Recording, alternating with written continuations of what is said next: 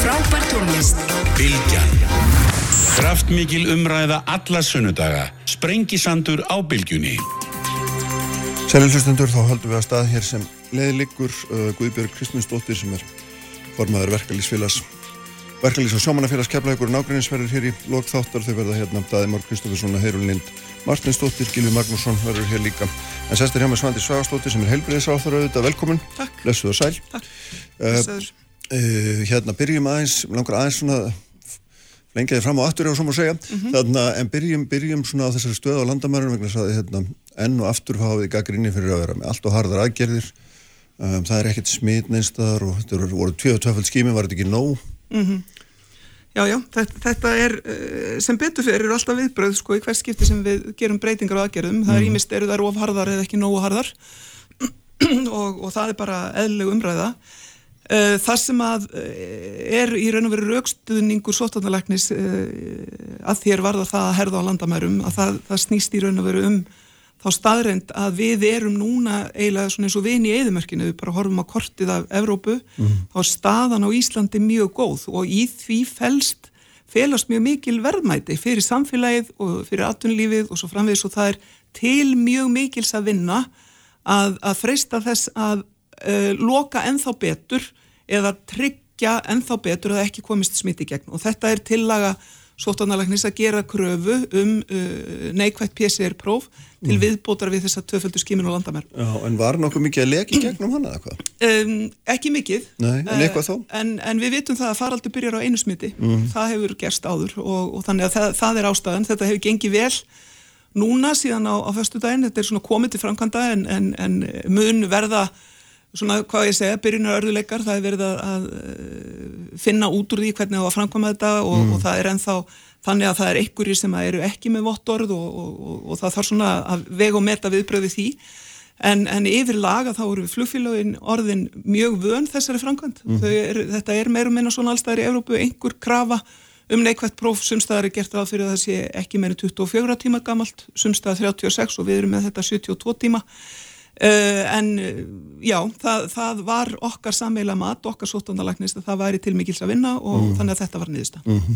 Og þetta hérna, þýðir það í raun og veru að að því að maður ég var að rifja upp ykkur umræðu að Kári stakk upp á því Stefánssoni í ágúst að það var bara að loka landinum, punktur á sem minna, nei, nei, það er allt og langt gengið en nú erum við raun og veru de facto komin í þá stöðum.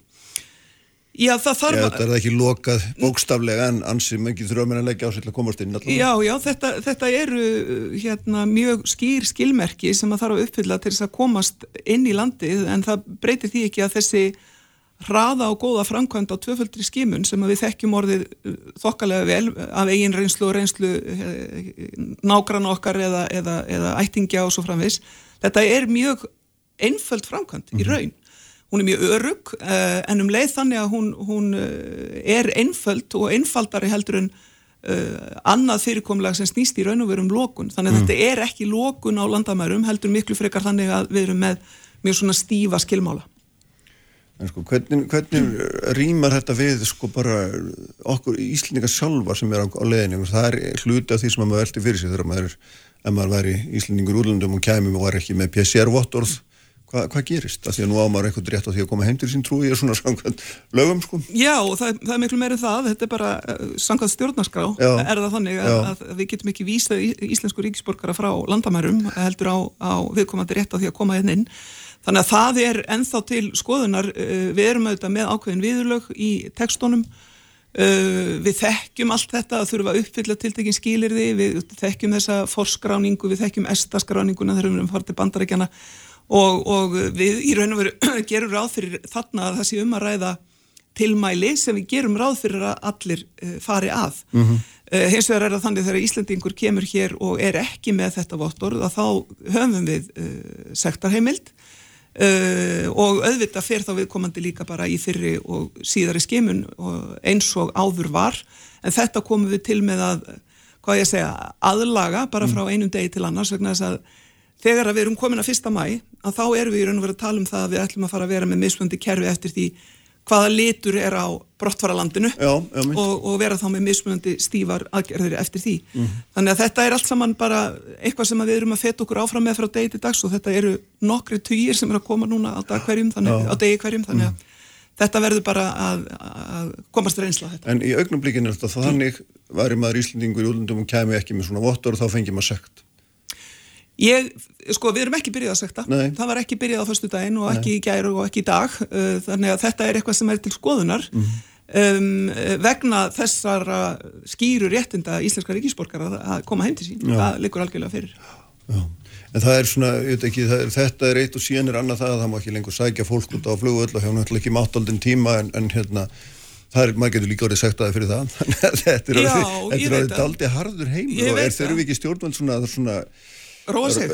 Já, það má alveg segja það. Já, já. Ég meina, ég held að margum finnist það einmitt akkurat núna því að það er ekkert um að vera í landinu. Það er ekki allt í lagi aðeins að leta á hömlunum. Jú, það er það sko og þess vegna á ég nú vona á einu hinna marg umrættu minnisblaða í Já. dag frá Þórólfi sem að snýst Já. um, um aðgerðir innanlands og ég held að þetta verða að spila saman. Við Já. verðum að sjá að, að við séum að uppskera í samræmi við það sem við höfum verið að leggja á okkur og uh, ég held að það, það eru alveg ótrúlega mikið lífskeiði sem felast í því hvað við erum í raun og veru með opið samfélag. Og, og ég meina við þekkjum öll fólk sem að býr í Evrópu og býr við allt, allt önnu skilirði og það er, til, það er mjög mikilvægt að við höldum áfram að leta á aðgerðum hér innanlands og ég vonast til þess að fá minnisblað í dag. Já, og ég las það nú einhver staðar í fréttum og það var eitthvað sem hefði talið það saman að, að þetta er farið að nálgast uh, 20 reglugerði sem ég hef búin að skrifa undir á, á þessi tíma. Þannig að, þannig að þetta er orðið svona hérna, slökun og herðing á víksl og svo framvegis. En, Mm. en þetta samspil uh, landamæra og, og innanlandsaðgerða er eitthvað samspil sem að ég uh, verð ekki vörð við annað heldur en að fólk hafi mikinn skilninga Mhm. Þannig að markmið er í raun og veru það að, að stöðva veirun á landamærun ef maður getur orðið að þannig. Þannig að við getum sjálf notið eðlilegs lífs innanlands þá er maður komin í gamalt hugtag sem var hér í upphæfi veirufrýtt land sem að mörgum fannst gríðarlega hérna, óraunsætt og mikið rugl á sínum tíma en það er grunninn stefnan augnablikinu. Sko, ég eh, hef nú ímislegt lært á, á þessu ári og meðal annars það að það er óraunhæft að tala um veru frýtt land og, og, og eh, okkar besta fólk segir mér það að það sé nánast útilokkað annað en að veiran sé einhver staðar kúrandi í samfélaginu hjá okkur. Uh, fólk með lítilega engin, enginni sé að veikjast og mögulega smita og svo framvegist og þess vegna uh, skiptir mjög miklu máli núna að allir fari í uh, skimun með minnstu enginni bara þannig að við séum að, að passa okkur mjög vel innanlands og við munum ekki útiloka veiruna með því að bara að herða landamærin endalaust. Af því að þetta er, sko meðan við erum bara pa- partur af mannlegu samfélagi og, og, og þessu, þessu alþjóða umhverfi að þá, þá eru snertifletir og, og þannig að það, það, það að stefna að veirufríu samfélagi er ekki raunhaft. Nei.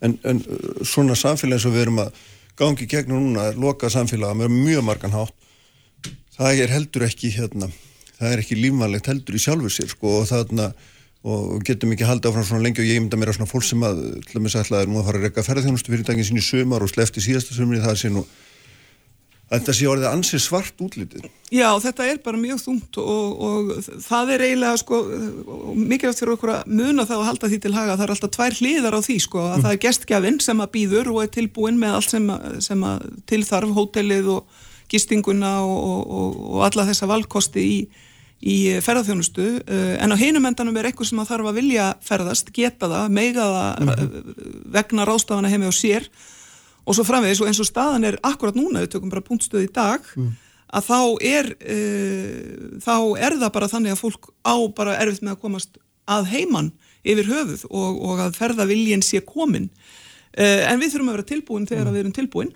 og, og við ætlum að verða það.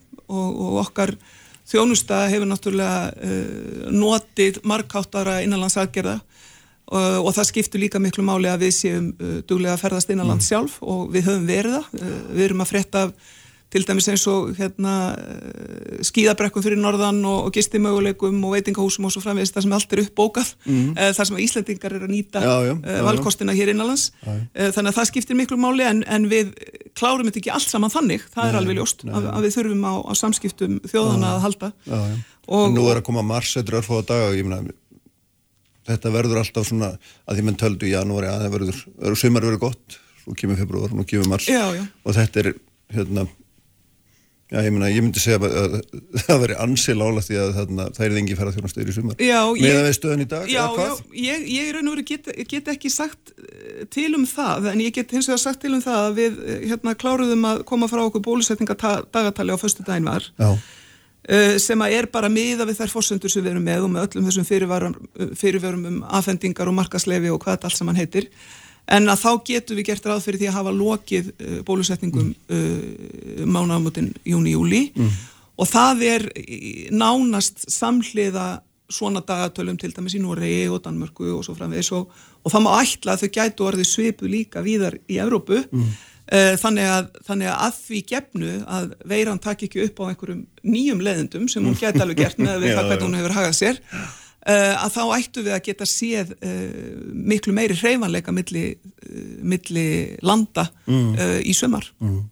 Er þetta svona þokkalega raunhafa áallum þetta, þetta er áallum fram í, er þetta ekki log mars og svo spá í raun og veru eftir það fram í júni? Já, sko það sem við gerum þarna og er, sko við höfum í raun og veru aðfendingar áallun út mars það er það sem við erum með og þess vegna getum við verið með það bara dökklitað á þessu skema Það sem er eftir það eru þau kaup sem við erum búin að ljúka uh, og þau fyrirheit sem mm. að uh, Európa eða samstagsríkin okkar í Európu og viðkomandi framleiðendur hafa gefið um það hvenar megi vanta þessara bóluefna. Og þá segja þessi fyrirtæki það er á öðrum ásfjörðungi, öðrum og þriðja, mm. þriðja áfjörða og svo framvegist. Þannig að, mm. þannig að það er allt saman með þeim fyrirvörum og, og svo erum við að stilla þetta af miða við þessa forganshópa. Uh -huh og það gefur auðvitað auga leið að um leið og við erum búinn að fara uh, með bólusetningu í gegnum okkar viðkvæmasta fólk og þá breytir það mjög miklu ekki bara innanlands heldur líka milli samfélaga mm -hmm. Uh, vegna þess að, að þá má ætla að þau sem eru útsett fyrir COVID-smitt séu minna líkleg til að verða alvarlega veik uh, heldur en þau sem eru öldruð með undarlegjandi sjúkdóma eða, eða eða viðkvæma á annan hátt. Já, að því að þetta var þetta þannig í november og desember þá vorum við mjög bjart sínist, þetta voru búið í janúar, við getum gert þetta á viku, var einhver, mm -hmm. var einhver hérna sem saði, menni með læknir einhver sem saði þetta var svo, við getum verið svo snöggað þessu. Og nú náttúrulega sjáum við að þetta er alls ekki að gera þannig, það er ímsar hindranir í framleyslunni, dreifingunni og svo framvegis. Já, en það skiptir mjög miklu máli og það var það sem að eh, fóstjóru heilsugjastlunum og höfuborgarsvæðinu gerði þegar að hann fekk þetta verkefni að þá skipulaði hann sig með að við mismunandi sviðsmyndir. Hann sagði sem svo ég þarf að geta skipulagt bólusetningu sem tekur mjög langan tíma, mjög stuttan tíma mm. og allt þar á milli. Ég má aldrei láta koma mér að óvart með eitthvað afhendingar áallanir sem er ekki að borðið heilsugjastlunar. Þannig að Óskar Reykdalsson var tilbúin allan tíman að gera þetta og sagði það við mig ef ég fæ efni, mm -hmm. þá get ég gert þetta á örfáðum dögum. Og, og við erum með þannig kerfi að við getum gert þetta á örfáðum dögum. Og það sjáum við í löndunum í kringum okkur að skiptir mjög miklu máli uh, því að sumstaðar er þannig að efnið er komið í hús en þá er einhver, einhver annar vandi á ferðinni, annarkort með að dreifa því eða, eða bara hreinlega að koma því á leiðarenda í gegnum bólusetningu. Þannig að við höfum lagt mjög mikið upp úr í að það séu engar hindranir þegar mm. efnið kom til landsins að þá gangi bólusetningin mjög hratt því að þannig virkar hún, hún virkar ekki á onni kassa. Nei, nei, nákvæmlega það er hérna, harrið eh, sko og þarna, en þú er semst bara svona eins og hægt er að vera þokkala vissum að þetta geti síðan einan einhverju svona raunsara marka þessar, þessar, já, þessar spár. Já, já, ég, ég, mér finnst, fannst þetta bara mjög mikilvægt að, að setja þetta fram þannig að fólk gæti farið á eitt stað og máta sér svolítið við þetta og hugsa bara hvað er ég þarna og, og þeir sem að verða 60 á árinu, Já. þeir eru komin í 60 til 69 uh, og eru þar með komin í einna þessum fórgangshópum og fólk getur svolítið séð uh, hvar eru foreldrar mínir og hvar eru hérna, gamli rættingjar og, uh -huh. og, og, eða vinir og vandamenn sem eru tilhæra tilteknum hópum. -huh. Mhm. Svona þannig að maður getur svona að byrja andlega að hugsa með sér, já, ég, það kemur að mér í mæ eða, eða í júni. Þannig að mitt ár þá, hérna, þá fyrir við andaléttar, það er Já, ef ekki segja það? Vonandi. Heyrðu en sko hérna eitt af það er verið annað fréttumdaldi það er þessi McKinsey skísla, þessi nýri McKinsey skísla þeir skrifuðu náttúrulega aðra hér fyrir einhverjum árum 2016 minnum um helbriðskerfið og fjármögnum spítalrestur og allt. Þetta og allt svona gríla flókjöf var náttúrulega að lesta og hérna mm. ég held ég í þingin og ekki hlustundum með að fara mjög djúft í þetta en það sem er svona bara megin niðurstaðan er bara þessi að við erum enn með vann fjármagna helbriðskerfi og, og miklar hérna áskorunir í til dæmis öldrun og, og, og, hérna, og nýting og skipti gríðarlega máli að nýta fjármjöruna sem best mm. og þarna erum við einhver staðar á góðri leið í því? Já, Sko það sem að, það sem að talaður um í þessari McKinsey skíslu og, og raunar var komið inn í heilbriðstefnu sem alþingi var búið að samþykja er það að stefna að því í öllu heilbriðskerfin okkar því sem að heitir þjónustu tengt fjármögnunarkerfi og ég byrð bara hlustendur að hérna, sopna ekki þegar ég segi þetta uh, sem að þýðir í raun og veru að, að stopnaðunar okkar og ekki bara það sem að eru uh, reknar af ofberum aðlum heldur líka aðri rekstra aðilar mm uh, séu fjármagnar í, sam, í samengi við þjónustu sem við erum að veita. Mm. við erum núna komin með þetta kerfi og nokkra reynsla það bara frá 2017 í heilsugjastlunni hér á höfuborgsvæðinu. Það sem er bara er skráning á tilteknum þáttum í þjónustunni og fjármagnir fæst í samræmi við það. Og, og þá verður það auðvitað kvatarnir líka að vera á réttum stað og svo frá þess. Mm -hmm. Við erum að byrja að keira þetta kerfi fyrir heilsugjastluna á landsbyðinni núna á þessu ári og, og það er í raun og veru í svona aðlögunarfasa því það er ekki nákvæmlega sömu prinsip út á landi, það er meiri fjarlag, það er öðruvísi mönnun, uh, það er lengra í þessa uh, flóknu þjónustu í baklandinu sem er spítalinn, uh, en við erum að byrja þetta og þetta er að gerast uh, í skrefum. Uh, í heilbyrðistefnu þá segjum við að við viljum fara í þjónustu tengta fjármögnun á uh, spítalunum okkar sem eru landspítali og sjúkarásu akureyri og það er í undirbúningi og mun, og ég menna við erum með verkefnistjóra í einleðingu og svo framvegist, þannig að það mun hefjast árunni 2022 mm -hmm. um, og það þýðir í raun og veru þá sambarilegt kerfi við það sem að uh, McKinsey talar um og sambarilegt kerfi við það sem að uh, þessi stóru sjúkarás í löndormi kringum okkur hafa, hafa unnið Hver, samkvæmt. Hver já þetta nákvæmlega breyt Þetta breytir nákvæmlega því að það er í raun og veru um, gagnsæra kerfi uh, þar að segja að við vitum betur uh, bæði stjórnendur spítalans þeir sem eru að njóta þjónustunar sem eru sjúklingar mm. og þeir sem eru að veita fjármagnið sem eru er ríkisjóður vitum meira um sko, samhengi hlutana þar að segja hvaðan þjónustun ákvæmlega verið að veita og hvað mm. kostar hún mm -hmm. og tryggja það að fjármagnin berist Um, eins og við erum með þetta núna, þá erum við raun og verið með mjög blanda kerfi því að ofinbæru stofnaðunar okkar að uppustöðun til eru reknar á fjárlögum og það er bara svona kuppur af einhverju, einhverjum peningum og, og síðan kemur í ljós að þeir peningar dög ekki og þeir mm. döga eiginlega aldrei af því, það, af því að það þarf alltaf meira og, og sem er bara fullkomlega eðlilegt mm. en þarna erum við að segja að það, það er betra fyrir alla aðila að það sé skýrt samengi millir þess hvaða fjármagn kemur og hvaða þjónustu er verið að veita. En eh, þetta hefur engin áhrif á upphæðunar í sjálfu sér? Nei, þetta hefur ekki áhrif á... Þetta hefur engin áhrif á það að það vantar ennþá pening eða til þess að eða, hvað? Það, það eða sjáum við það skýra? Já, það er auðvitað eitthvað sem á eftir að koma í ljós vegna þess að, að þá, þar með verður það gagsæra nákvæmlega fyrir hvað uh, fjármagnið er og fyrir mm. hvað það kemur. Það er auðvitað ákveðin grunn fjármagnun sem að snýst bara um innviði og stóðkerfi spítalans og síðan er það snýstað um þau verk sem verið er að innaf hendi fyrir í, í þáu sjúklinga mm -hmm. og þetta um, sko er alveg örglega betra kerfi, þetta höfum við verið að, að hérna, leggja á ráðunum í heilbriðstefnu og taka skref um um í samningum við, við, við aðila út í bæ innan gæsalappa eins og til dæmis rekstra aðila hjókunaheimila þá erum við með tiltekkikerfi, dagdvala-kerfi og, og það er borgað tiltekkið per slíka, dag, slíka, slíka dvöl eh, eða, eða afsakið það eitthvað ekki dagdvalakerfið heldur eru það bara tiltekin upphæð mm -hmm. per einstakling sem er íbúi á hjókunarheimili og, og en á meðan við erum með hjókunarsvið í ofnbjörnstofnunum sem að fá fjárlega upphæð þannig að við erum með sambarilega fjármjöstu og ólíka fjármjögn uh -huh. sem er mjög óheppilegt fyrir, fyrir alla aðila mm. þannig að markmið er það að smám saman verði það þannig að öll heilbyrjastjónusta, hún, hún í raun og veru lúti þessu sama kerfi, þessu sama fjármögnukerfi og sömu gæðakröfum mm uh, og þetta þarf, þetta er allt saman í heilbyrjastefninu, við erum með innleðingar áallun og, mm -hmm. og mhm. þetta er að koma stig á stíi, en þetta breytur auðvitað ekki því að það er eftir sem áður verkefni forstjóra hverjar stofnunar að skila uh, fagleri stjórnun, uh, -hmm. mönnun og að halda sig innan fjárlega því að fjárlegin verða á sínu stað eftir sem áður. Já, já.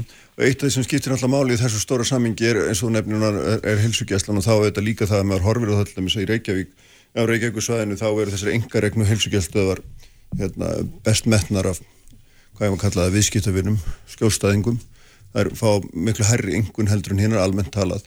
Og, hérna, og getum við ekki nýtt peninga betur með því að nýta okkur þá kraftar sem þarna er inn, ég menna til dæmis stórum stöðum eins og akkur er í suðunisjum hefur fólk ekkert val? Er, er ekki skinsamlegt í ljósi þessara niðurstöðu sem við erum að sjá með starfsánægu, nei með hérna ánægu sjúklinga að, að, að auka þetta val Um, sko þessi svona, svona notenda kannanir eru mjög mikilvægar en það er líka mjög mikilvægt að sambandburðinu sé uh, sangjarn mm. og, og uh, ef við skoðum þær fjórar uh, helsugjastustöðvar í Reykjavík sem reknar eru af ofnbörum aðilum og, og fá hæstu engunar þá eru mm. þær bara mjög sambarilegar við þessar fjórar sem eru engareknar þannig að það fer, fer allt saman eftir því um, ég held hins vegar að þetta hafi bara gefist vel uh, í grunninn en það skiptir mjög miklu máli uh, að við séum uh, að, það, að það sé sko hérna, alveg mjög skýr grundvöllur þegar tekin er ákverðun um það að fela öðrum aðilum heldur umbeverum aðilum rekstur á helskeslu mm -hmm.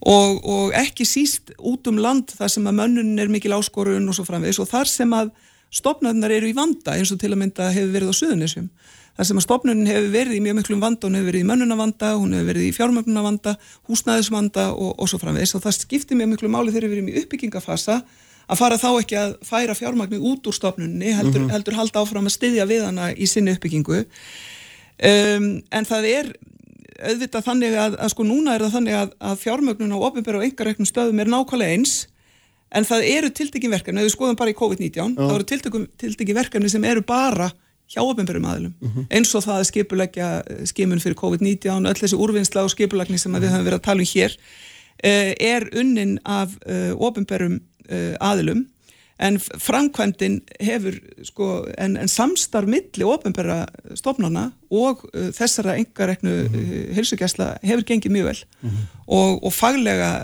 mjög vel og skiptir gríðarlega mjög miklu máli Um, en það er engin spurning að við þurfum öflugan aðila til að mynda til þess að leiða svona stort verkefni eins og þetta bæði skimunverkefni og síðan bólusetningaverkefni mhm. fyrir hönd uh, samfélagsins í heild og en, þar eru við með heilsugjæslu með höfuborgstæðinu sem er ofinbarstofn að gera það. Já, já, en ég er ekki sko svona þess að við erum alltaf að tala um að nýta peninga betur og hérna mm og, og við svona erum nöðbetið þess við endalins erum nú fráfræluminn ekki, það geta aldrei verið það. Þannig að þá það svona veldi við fyrir sig hvort við getum ekki nýtt okkur þessar kosti þessar að tækja kerfa til þess að láta þau aðeins svona takast á um hvað er best að gera. Og að því að fjármögnin er í grunninn eins og þú segir, hún er svo sama. Mm -hmm.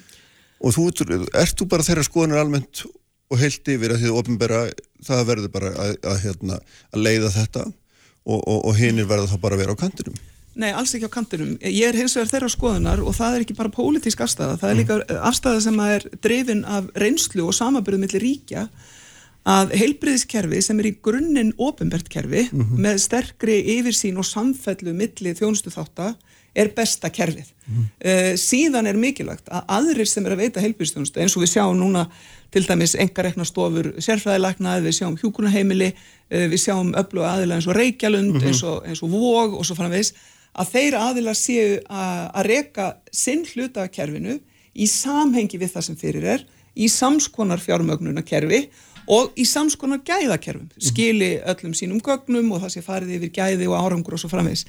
Eh, þannig að, þannig að ég, já, ég er algjörlega klar á því að ofinbært kerfi er grunnurinn að góðu heilbíðskerfi og, og þess vegna hefur það verið mitt megin markmið í, mm. sem heilbríðsáþur að styrkja ofinbærakerfið mm. en líka að, að uh, hverfa frá því að þessi kerfi séu með aðskilda nálgun að þér varðar uh, gæði og árangur og fjármögnun, af því að mm. þetta þarf allt saman að vera gagsætt og sambarilegt mm. það skiptir öllu máli Þannig að þú trúur ekki á einhvers konar samkeppna þessu sviði um, um þjónustu þar að segja hérna, fólki að velja á milli, milli þjónustu á, eða geti gert það Sko ég held að, að, að samkjafni sjónamiði eigi ekkert sérstaklega vel við í heilbyrjastjónustu í grunninn. Mm. Það, það er ekki mitt mat. Eh, ég held að, að það skipti bara mjög miklu máli að við séum með uh, augun á boltanum í því að uh, þjónustan sé byggð á greiningu, hún sé byggð á raunverulegri þörf í samfélaginu og það sé mat sem að liggur þar að baki en, en ekki þannig að að veitendur þjónustunar e, séu að leggja mat á það hversu mikla þjónustu þarf. Mm. Eitt áður við hættum hérna, sem er, hefur líka verið í sviðljósinu og það er hérna, og það er þessar skimanir eftir að krabbmeinsfélagi hætti að hérna, skima fyrir, fyrir krabbmeinum og, og, hérna, og, og það var nú mikil deila hér um, um, um bæði aldursviðmi og tíðinni brjósta eh, krabbmeinsskímana, myndi maður orða eh, en, og kannski látum það eins líka mittir hluta að þú bakkaði með það en hittir annað að það líka ennþá hérna, síni ógrind uh, úr lehálskrabbmeinsskínmun Uh, og, og maður sér að læknafélagin eru mjög ósatt við að við ætlum að flytja hluta af þessu, að mista stóran hluta af þessu út úr landinu til að láta þetta vinna þar sem við höfum tæki, mannabla, þekkingu allt til þess að gera þetta hérna myna, þetta er náttúrulega ólíðandi þetta líkja þarna yfir höfuð en hvað hva, hvað er næsta skref í þessu? Þarna líkja þúsundu sínarskismir Já, sko við, það var semst lokið við að, að undirrita samning við þennan danska rannsóknaræðila sem að tekur þetta að sér núna og er að rannsaka bæði fyrir Dani og Svíja og, og fleiri. E, það var mat, heilsugjastlunur og höfuborgsvæðinu sem að fekk þetta verkefni eftir að hafa borið saman mismunandi rannsóknaræðila að þetta væri bæði örugast og hagkvæmast. Og, og það er mín skoðun að, að ráðuniti stendur við bakið á forstjórum sem að hafa allar fórsöndu til að vega um þetta það sem að, það sem að eh, þarf að taka ákvarðanur um. Mm -hmm. stóra málið er það að uh, við erum að færa þjónustuna nær fólkinu eða nær konum auðvitað, þetta snýstum það. um, þeim býðst núna skimun fyrir legalskrabamennu á öllum heilsugjastustöðum landsins uh, fyrir 500 kall en ekki fyrir tæplega 5.000 kall mm -hmm. eins og þetta var, það, það breytir mjög miklu Legálsýnin er tekin af ljósmaðurum og hugunafræðingum sem hafa hlotið sérstaklega þjálfun.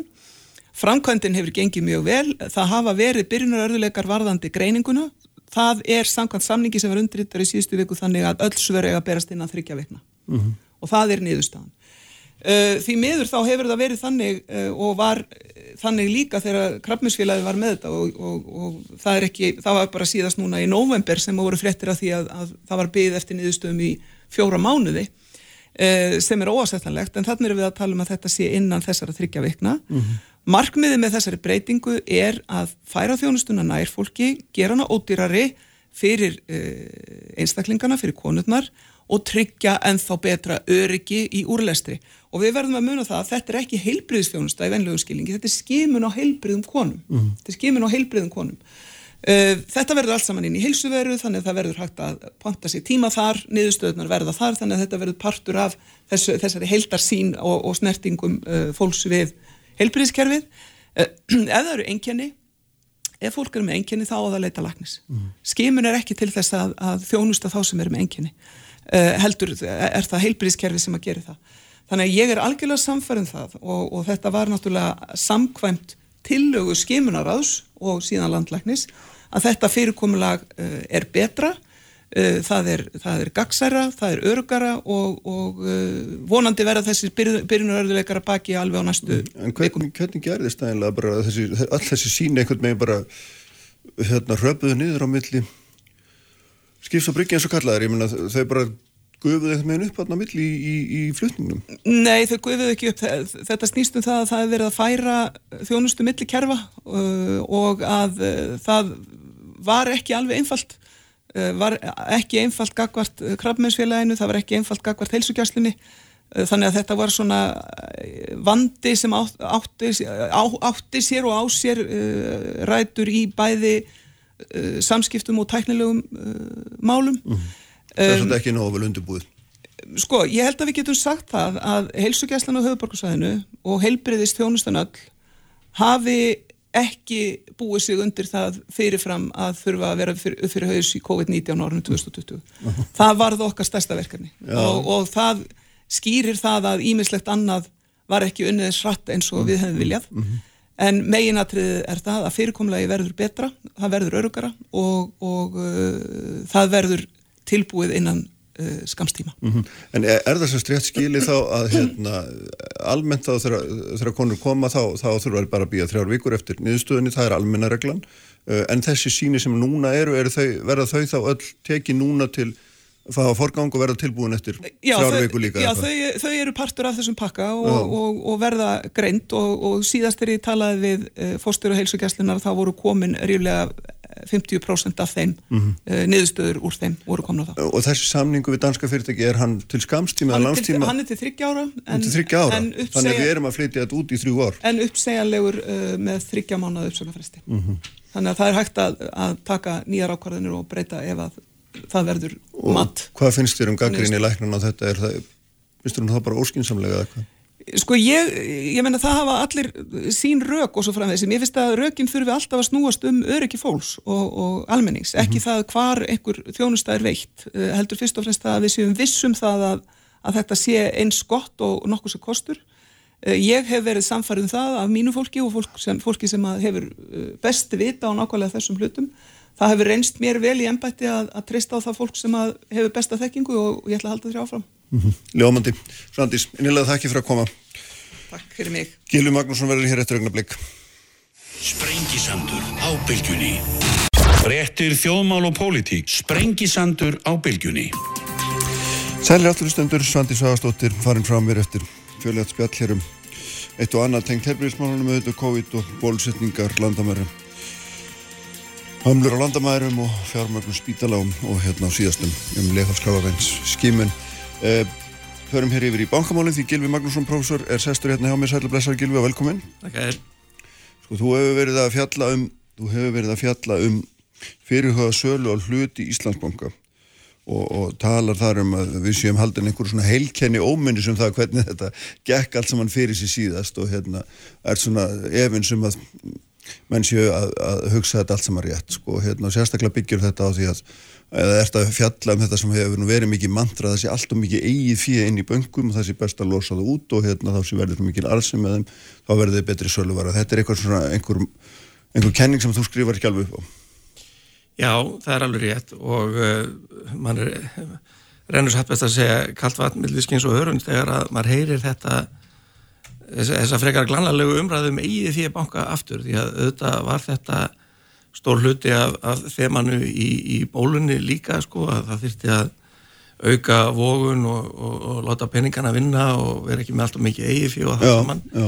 og það er nú ekki náma rúmur áratögu síðan en nei, nei. samt virðist eh, ég ætlum ekki að segja þjóðin en það er einhver hluti hennar sem hefur bara algjörlega glemt þessu og, mm. og ekki dreyðir réttar álíktarnar af þessu eins og það sér maður á skoðanakonunum að, að þjóðin er alls ekki búin að glemja þessu þannig að, að þetta er svolítið skrítin eh, staða að það verða að tala um að selja bankana en það lítur mjög lítil stuðnings eða allavega verulega tortrykninga mm. hvert þeim hugmyndum út í hjá almenningi Já, sko, hérna skýr það eins fyrir okkur sko samhengi þessara hugtaka umfram eigið fyrir þegar mann lækka það og svo bara arsemi og áhætta og vogun og allt þetta svona fyrir fyrir henni almenna hlustanda, hvaða máli skiptir þetta í raun og veru sko?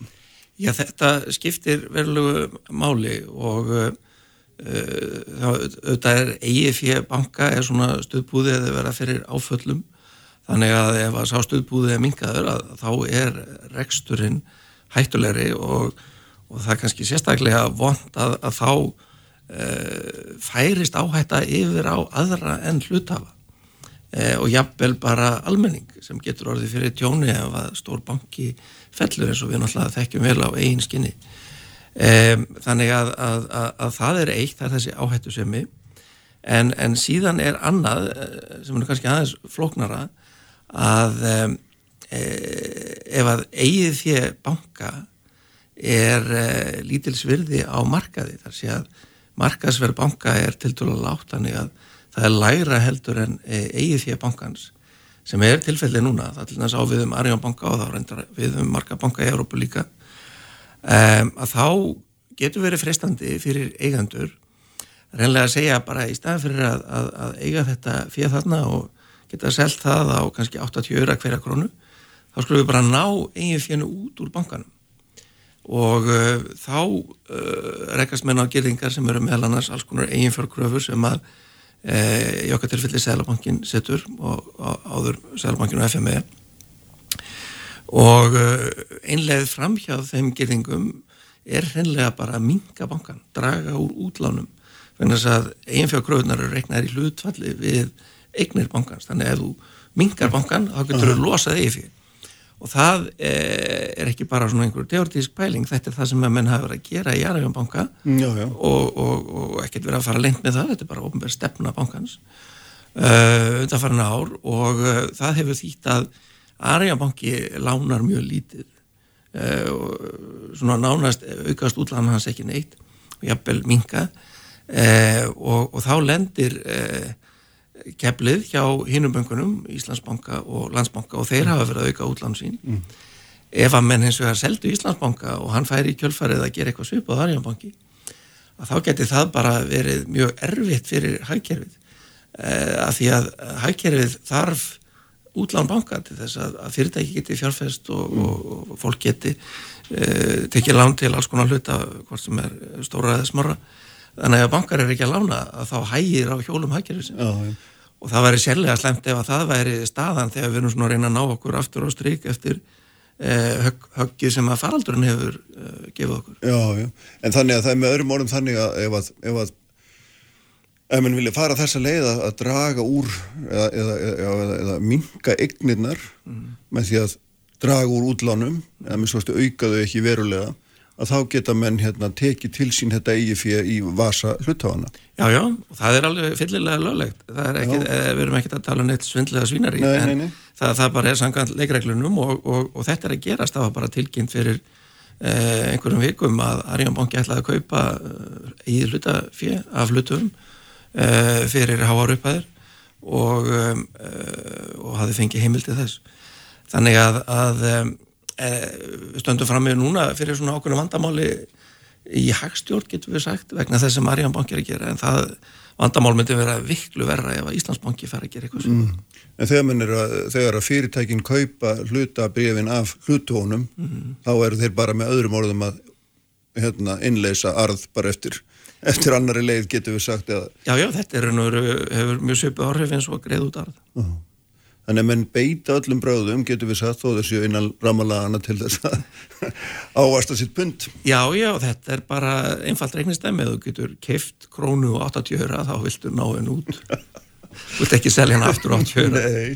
Fekka frá krónunum sjálfa. En hvað er svona, því að, sko, að maður getur aðeins uppröfum þegar, þegar bankarsýsla ríkisins var hægt að stopna þá mann ég það ég var vann þá í landsbankan og þá gerðum kröfullum sem 14% arsemi ofan á eigið fyrir landsbankans. Mm.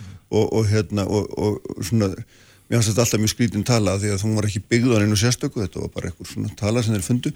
Og, og þarna en, en þú veist meðan það er svona gríðarlega krafa á arsemi eigin fjár þá, þá er þetta náttúrulega allt svo fristandi Já, ég reyndar hef alltaf verið þeirra skoðunar að, að þessar kröfur bankasýslunar um áherstunni eigin fjár hafa verið allt og háar og óreinhafar. Já, en það náðist þetta aldrei. Nei, nei, og þetta getur verið, verið stór hættu að gera svona mikla eigin fjárkröfu því að það getur ítt mönnum út í eh, einhverja æfindir mennsku ef það er eina leiðin til þess að ná áherstunni. Sko, við erum að horfa til þess að vextir á Íslandi hafa farið mjög lekkandi og það má kannski segja að það sem við kallum áhættulösu vextir sem er það sem að ríkið skuldsettu svo á þeir séu bara í kringum 0 núna, kannski 0-1% verðtriðir vextir og uh, banki sem er í örugum rekstur með mikið eigi fyrir mm. hann þarf auðvitað að herra águstunni það en hann þarf ekki sko, miklu herra águstunni hann þarf 3-4% mm -hmm. væri nú bara alveg ásættanlega águstun af uh, banka sem er mjög, með mjög hátt eiginfjöldutvel vegna þess að það er ekkert mikil áhætta fyrir hlut af að eiga í slíkum banka. Og uh, mér finnst að menn hafi svolítið hort fram hjá því því að þeir eru að tala um uh, einhverjar eiginfjárgröfur sem að kannski veru eðlulegar til banka sem að stæði frekar illa og veru með lítið eigi en íslensku bankaðin blessunulega gera það ekki. Mm -hmm þegar að hérna svona, þessum árum fyrir hún þá held ég að svona eiginfjárkrafa uh, hafi verið kannski 8% eitthvað svo leiðis mm.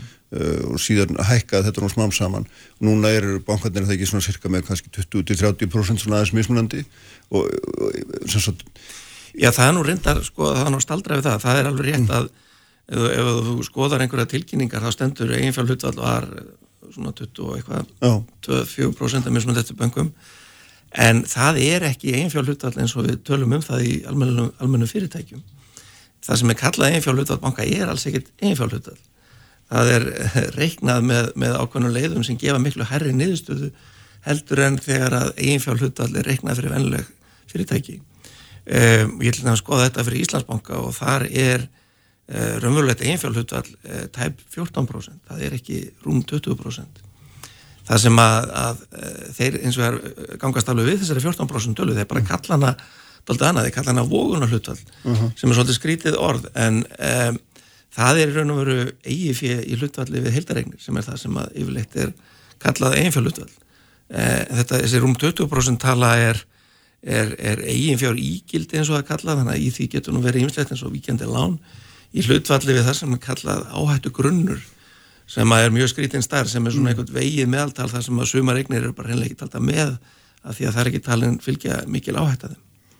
Þannig, hérna, þannig að þessar tölur eru þá að gefa okkur til kynna þessi 20% að gefa okkur til kynna einhvern veginn miklu sterkari stöðu heldur en að uh, þau að þínum að þetta hún er. Já, já, það, það, það er svona ákveðin Eh, blekking í þessu en, en ég nú taka fram sko að það er ekki við eh, fásvarsmenn bankana að, að, að sakast þar því þetta er bara alþjóðlegu, alþjóðlegu orðanótkun í bankaheiminum.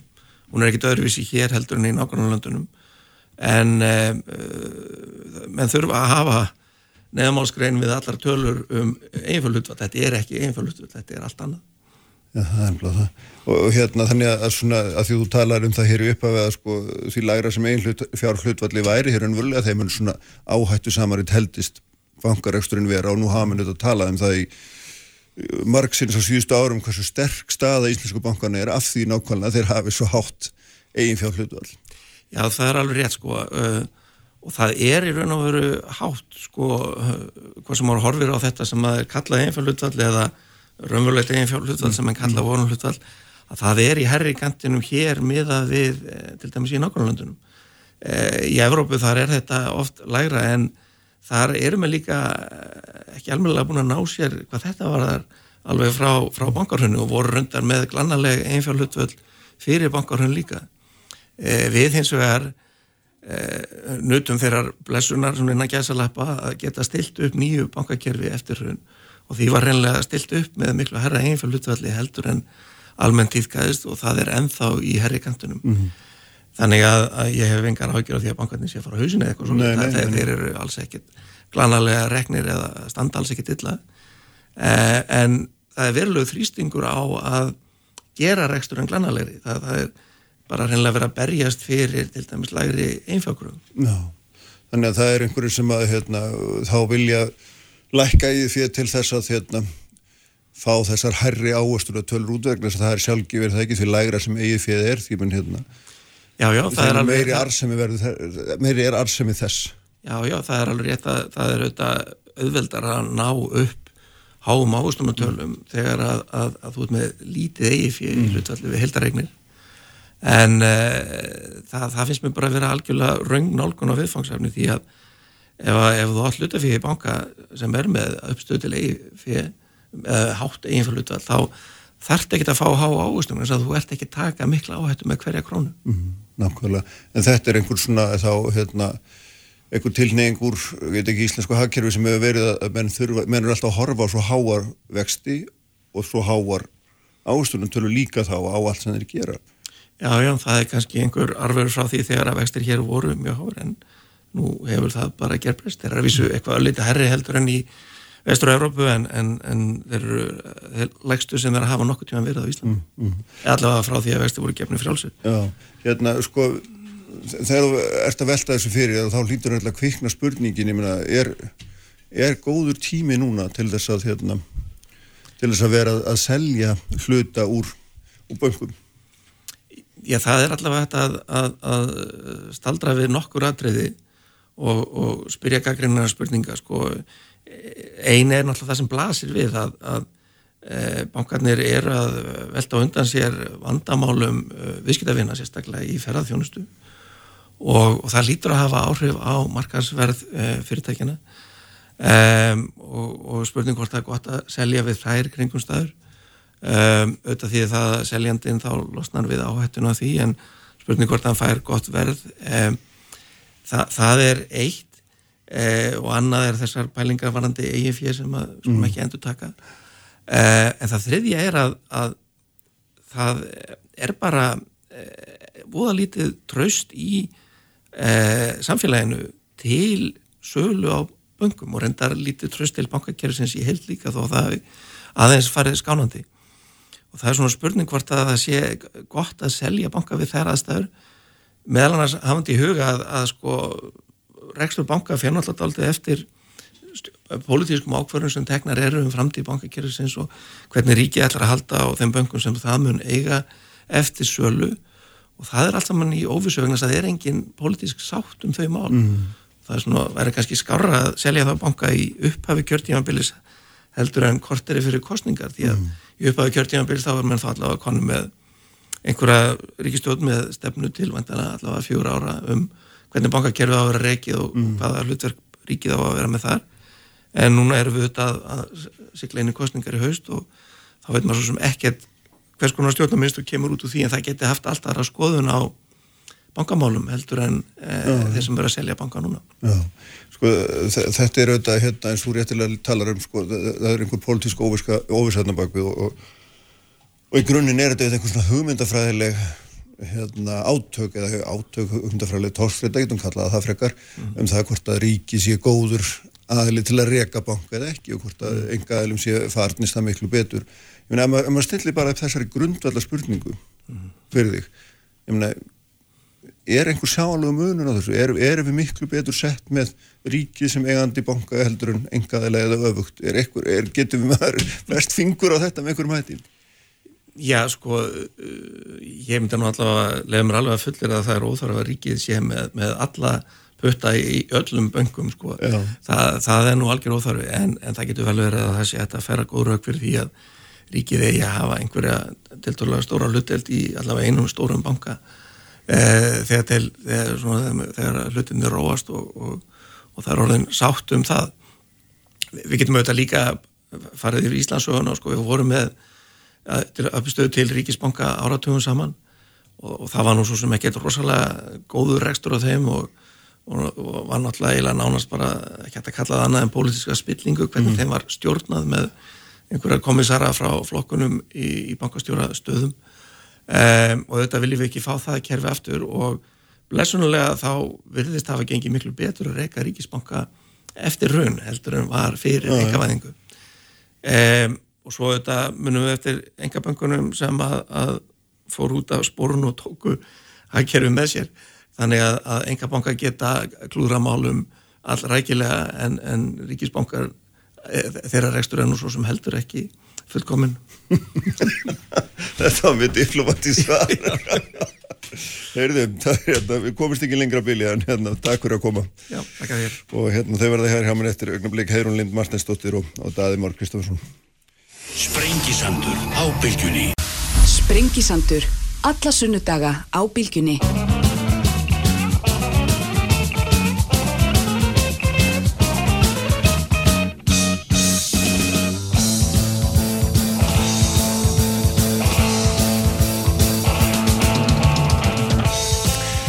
Sælir afturlustundur, Gilvi Magnússon, profesor í Hagfræði, farin hér frá mér uh, eftir spjallum sögulega hluti Íslandsbanka og ímsar vangaveltur því, tengd, því tengdar uh, en í símanum að norðan er Daði Mór Kristoffersson sem er reynda líka profesor í Hagfræði þetta er eitthvað svona profesorastund en hérna hann er reynda hér sem formaður varaformaður viðreysnar Sælir blessaði Daði, þú heyrir til okkar Ég er til ykkar. Já, Ljómandi og Heirún Lind Martinsdóttir er hérna frangandustjóri SFS hjá okkur líka. Við ætlum að ræða hér um álbrin sem ég var að ræða hluta til fyrir viku. Þá vorum við að ræða hér um, um stjórnarskapbreytingar og hérna, þá kom þessi krafa um, um hérna, auðlind ákvæði í, í stjórnarskraf sem var hvaðið á um, um, um hérna, um gjald í raun og veru, eitthvað, eitthvað gjald, einhverja hugmynd um gjald. En svo sem byrjum annar staði því að hérna nú þegar komið ljós fyrir skemstu að hvert veðilega gjaldi er þið fyrir, fyrir 2018 þá hérna uh, þá taldir þú að, að útgernin væri að borga heldur lágt. Og segðir orðið rétt ég heldur verðum að viðkynna þetta mjög lágur aðgöngum við, við þann hagna sem útgernin hefur skapað Já Eh, sko, þetta var sem sagt veiðgjaldi fyrir 2020 sem að, sem að uh, lág þá orðið fyrir uh, og, og sé það svona bórið saman við uh, afkomið þróun að, að þá, þá er þetta heldur lágt. Það munur alveg örgulega að koma hér fram á eftir að ástæðuna fyrir þessu eru aðferðin sem er nótuð við að reikna veiðgjaldið. Það er alltaf töf á útreikningunum uh, en uh, samt sem áður er, er þetta niðurstaðan og, og, og hérna svona erfitt að komast að annari niðurstöðu saman hvort þú berði þetta saman við uh, hagtölur frá útgerðinni eða sambærilega greiðslur í nákvæmlandum. En erstu að tala um sem sagt krónutölu upphæðina eða hlutfallin það skiptir þetta verulegu máli við hvort er átt? Já, ég, ég held sko krónutölu upp, upphæðinu þetta skiptir einhverju máli það er ákveðin stöðuleiki í útgerð einfallega vegna þess að, að það er á endanum takmarka hvað við getum tekið mikið út rauðlindinni og við höfum þrátt fyrir allt nátt þeim árangri okkar fiskveðistjórnun að, að, að það er svona þó nokkur fyrirsjáleiki í, í all flestum tegundum ekki öllum en, en, en, en flestum og, og, og þar að leiðandi að þá er nú þessi stopp, getur við sagt, ekki eins kvikur eins og hann var hér forðum. En, en það er alveg rétt og þér fyrst og fremst erum við að tala um þetta hlutfallslega. En það er alltaf sama hlutfalli, er það ekki? Frá árið til árs er það ekki 33% af Jú, sko. Göldna og tekjum frá göld? Jú, lögunum var að vísa breytt uh, og, og, og 2018 og, og uh, stopnin uh, er annar, þannig að það er svolítið erfitt að, að hérna bera saman uh, útrekninga fyrri ára við, við þessa útrekninga uh, sagt, uh, ég held að hafa verið á marganótt mjög skynsannlega breyting gerð 2018 í því að færa útrekningarna næri tíma. Ég var líka mjög sáttur við það að, að veiðigjaldsnemnd var lögð niður, ég satt nú að vísu í henni alla tíð sem hún var en mér fannst alltaf mjög skrítið að, að borgarar út í bæ ákvættu þetta frekar eftir en það væri bara hreinlega hendi ríkiskattstjóra þannig að það var framför. Uh, hittir hann að mála uh, gagnaöfluninni var breytt og, uh, og, og útreiknum var, var breytt. Þannig að það er umverulega erfitt að segja sko að gjaldið hafi verið stöðut og að hlutfallið hafi ekki breyst og þá hefur viðmiðin að tala sem notuð er sem, sem hlutfallið er tekið af hún hefur breyst í gegnum tíma og raunar verulega. Heyrún Ég held að ég get tekið undir margt sem að þannig kemur fram svo sem enda við daði áttum ófá samtöl í aðræðanda hérna, þessara nýju laga 2018 um hvernig mitt væri hægt að bæta þennan reikningrun uh, og það sem þetta var eins og daði kemur inn á það sem var gott við þetta, það gældi er fært næri tíma og það sem líka er gott að það er, því, það er núna miðast á almanagsár sem að svona gerir umræðuna auðveldari og gagsæra einfallega út frá þá bara afkomu í sjáarútvegi frá ári til einu ári til annars. Uh, en alltaf snýst þetta bara um þetta hver er afkoman og hvernig reiknum við kostnað niður á uh, tilgrindar tegundir? Uh, og það er nú kannski það sem við erum kannski að hérna, það sem daði, daði vitna til að það er þetta svona við erum alltaf að reyna að nálgast það með betri og skýrari hætti þannig að það sé minna matskent og ég held að þýleitinu til hafið að vera stór kostur að núna eru þetta upplýsingar sem að þeim er skilað til ríkiskattstjóra beint og það er ekki þessi nefnd hérna þryggja borgar út í bæ sem að það var einmitt einn af þeim sem að þeir ákvarða, ákvarða hvernig gjaldið þeir að vera í einni tegundi eða annari Eh, þannig að ég held að mörguleiti séu alltaf að færa og að fyrir okkur nær því að gera gjaldtökuna gagsæri, skýrari og þar með betri og fyrir sjáanleiri mm -hmm. fyrir atvinnugreinina og þá líka fyrir alla umræðu. En myndið þú skrifa undir það þá að það var, og eh, ég gerir bara ekki að þú gerir það reyndar að þetta séu oflátt núna, að við minn séu og hérna séu sveigi gjaldi þannig þrátt fyrir þessar hlutvarstölu sem er fastsett að, að það sé verið að greiða og látt, ég, látt, lá, látt aðgjald að auðlindinni. Ég get ekki tekið undir það og mér finnst umræðan ekkit sérlega gaglegað upplýsandi fyrir fólk sem að kannski þekkir þetta minna en ég og daði mm. að segja fjóri miljardar er mikið að lítið, að tíu miljardar er allt og mikið, að maður verið að setja þetta í hlutfallega samhengi við eitthvað annað og alla jafna eru við að nálga þetta sem 33% af afkomu fiskveða, þannig að ríki fær þriðjung af afkomunni. Eh, ég myndi telja það hérna, já, vel í lagt og bara nokkuð sangjant eh, meira en það sem þekkist annar staðar í heiminum, auðvitað í flestum tilvíkum er sjáarútur ríkistyrtur uh, og við getum sett þetta líka í samhengi við tekjuskatt sem að sjáarútu greiður, en auðvitað tekjuskattur er miðast við alla starfsum í sjáarútu en þá hefur þetta veiðigjald uh, afkoman af fiskuðunum hefur verið svona svipa sem hlutfall af hagnaði sjávarútvegs á umliðnum árum. Mm -hmm. Reynda 2018 var veiðgjaldi fátama hátt, það var 11,5 minnum eða 6 miljardar. þá var sjávarútugur í raun að greiða tvöfaldan tekjuskatt eða tvöfald veðigjald. Þannig að þá var 60% af hagna í sjávarútugi fór til ríkisins, 20% í formi tekjuskatts og 40% í formi veðigjalds. Ég segi fullum fetum að það var allt of hátt. Uh, þá hérna heyrði maður og maður sá það bara að það gaf verulega á bátinn í sjávarútugi og þegar að gjaldtakan þegar ríkið er fara að taka svona mikil til sín þá mun það auðvitað koma niður einhver staðar. Og ég tel að það muni fyrst og síðast eða fyrst um sinn kemur það niður á fjárfestingum. Og fjárfesting er auðvitað líkil aðri í því hvernig við ætlum að auka verðmættasköpun í sjáurúti mm -hmm, mm -hmm. Hvernig svarar þessi dag? Við erum alltaf að tala um þetta fasta hlutfall Já, og svo er þetta spurning hvernig maður reikna kostnaðan á móti það er auðvitað hérna algjört líkil aðriði Kristján, skilur þú hvernig veðgjaldið er reiknað? Stundum þegar ég er að hlusta á fólk tala um það þá verði að vikina ég bara fatta það ekki, nei. Ég held sko, hér er vandamálið og, og, og, og sko, nú veit, uh, þetta er hún að ég, ég á sín tíma eða veðgjaldsnefnd þegar hún lagði til að leggja sjálfa sig niður, uh, lagði til uh, aðra útfæslu sem að við, hérna, hefum við þetta röggrætt á fundum og ég veit hún er ekki samfóla mér um. En, en sko snýri að því að reyna að einfalda gjaldi þannig að, að fólk gæti almennt skilji hvernig það er reikna vegna þess að tilfellið þeirra í dag eru bara ekki mjög margi sem skilja hvernig það er reikna og, og svo hugmynd snýri að því að, að ríkið væri uh, frekar sett svona í hliðstæða stöðu og við getum sagt uh, sjómenn með að vera á eins konar hlut að vísu hlut að frádregnum líka einsum uh, öðrum kostnæði sem ekki telur á móti launum sjómanna eins og til dæmis launum sjómanna.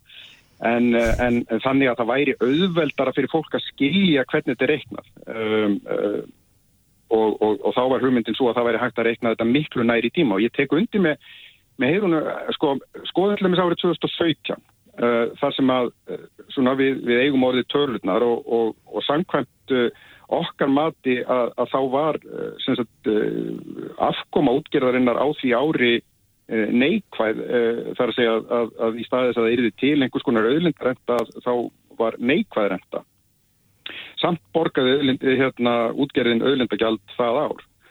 Og ég held sko að, að þessi tímasliðurun er mjög óheppileg vegna þess að það er umverulega alltaf hægt að kvarti við því að gjaldi sér vittlust af því að það eru sveiblur í þessari atvinnugrein og, og þar að leiðandi uh, hef ég svona, eða varð á þessum tíma sem ég kom að þessum máli mjög þeirra skoðunar að að byggja þá á einfaldar upplýsingum af því að fullkomnar upplýsingar líka ekki fyrir uh, í, í samtímis uh, en, en uh, hérna endur speikla samt sem áður grunn afkomi í útgerð og vera þannig að, að leikmenn skildu hvernig það er reiknað.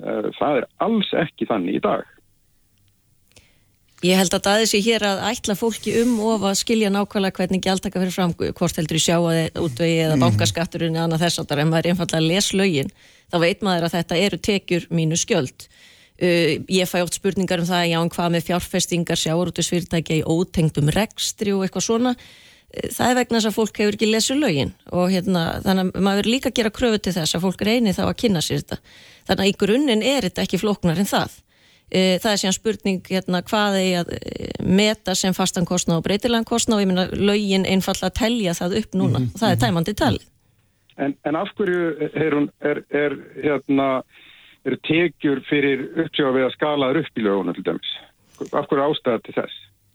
Það mun vera einhvers konar pólitísk sáta, sáta leið Eh, sem að við að sjálfsögðu vorum ekki sammála en það er einhver nálgun að segja við ætlum ekki að hækka eða lækka viðgjaldi með þeirri breytingu sem gerði var á lögunum 2018 það var, það var eiginlega aðal markmið lögjáðan svo hann segir það í frumvarpinu.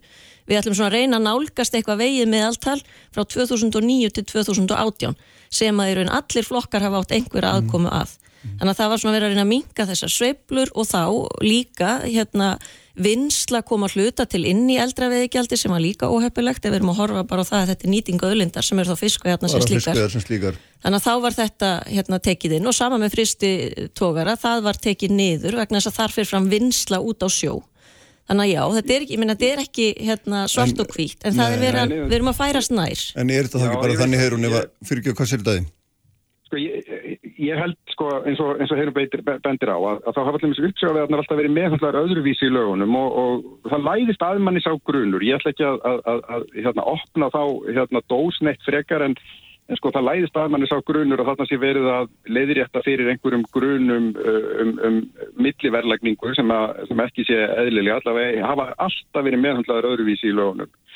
Uh, ég er alveg sammálað þeirri grunn hugmyndafæði lagana að draga hingin í kringum útgerð ein, ein, einungis og, og, og kom nú reynar að þessu, þarna, þessu mati á því hversu mikið þurfti að skala til afkomu fristitóðar allar leiðirétta fyrir því að þeir eru á marganhátt bæði vinsla og veiðar.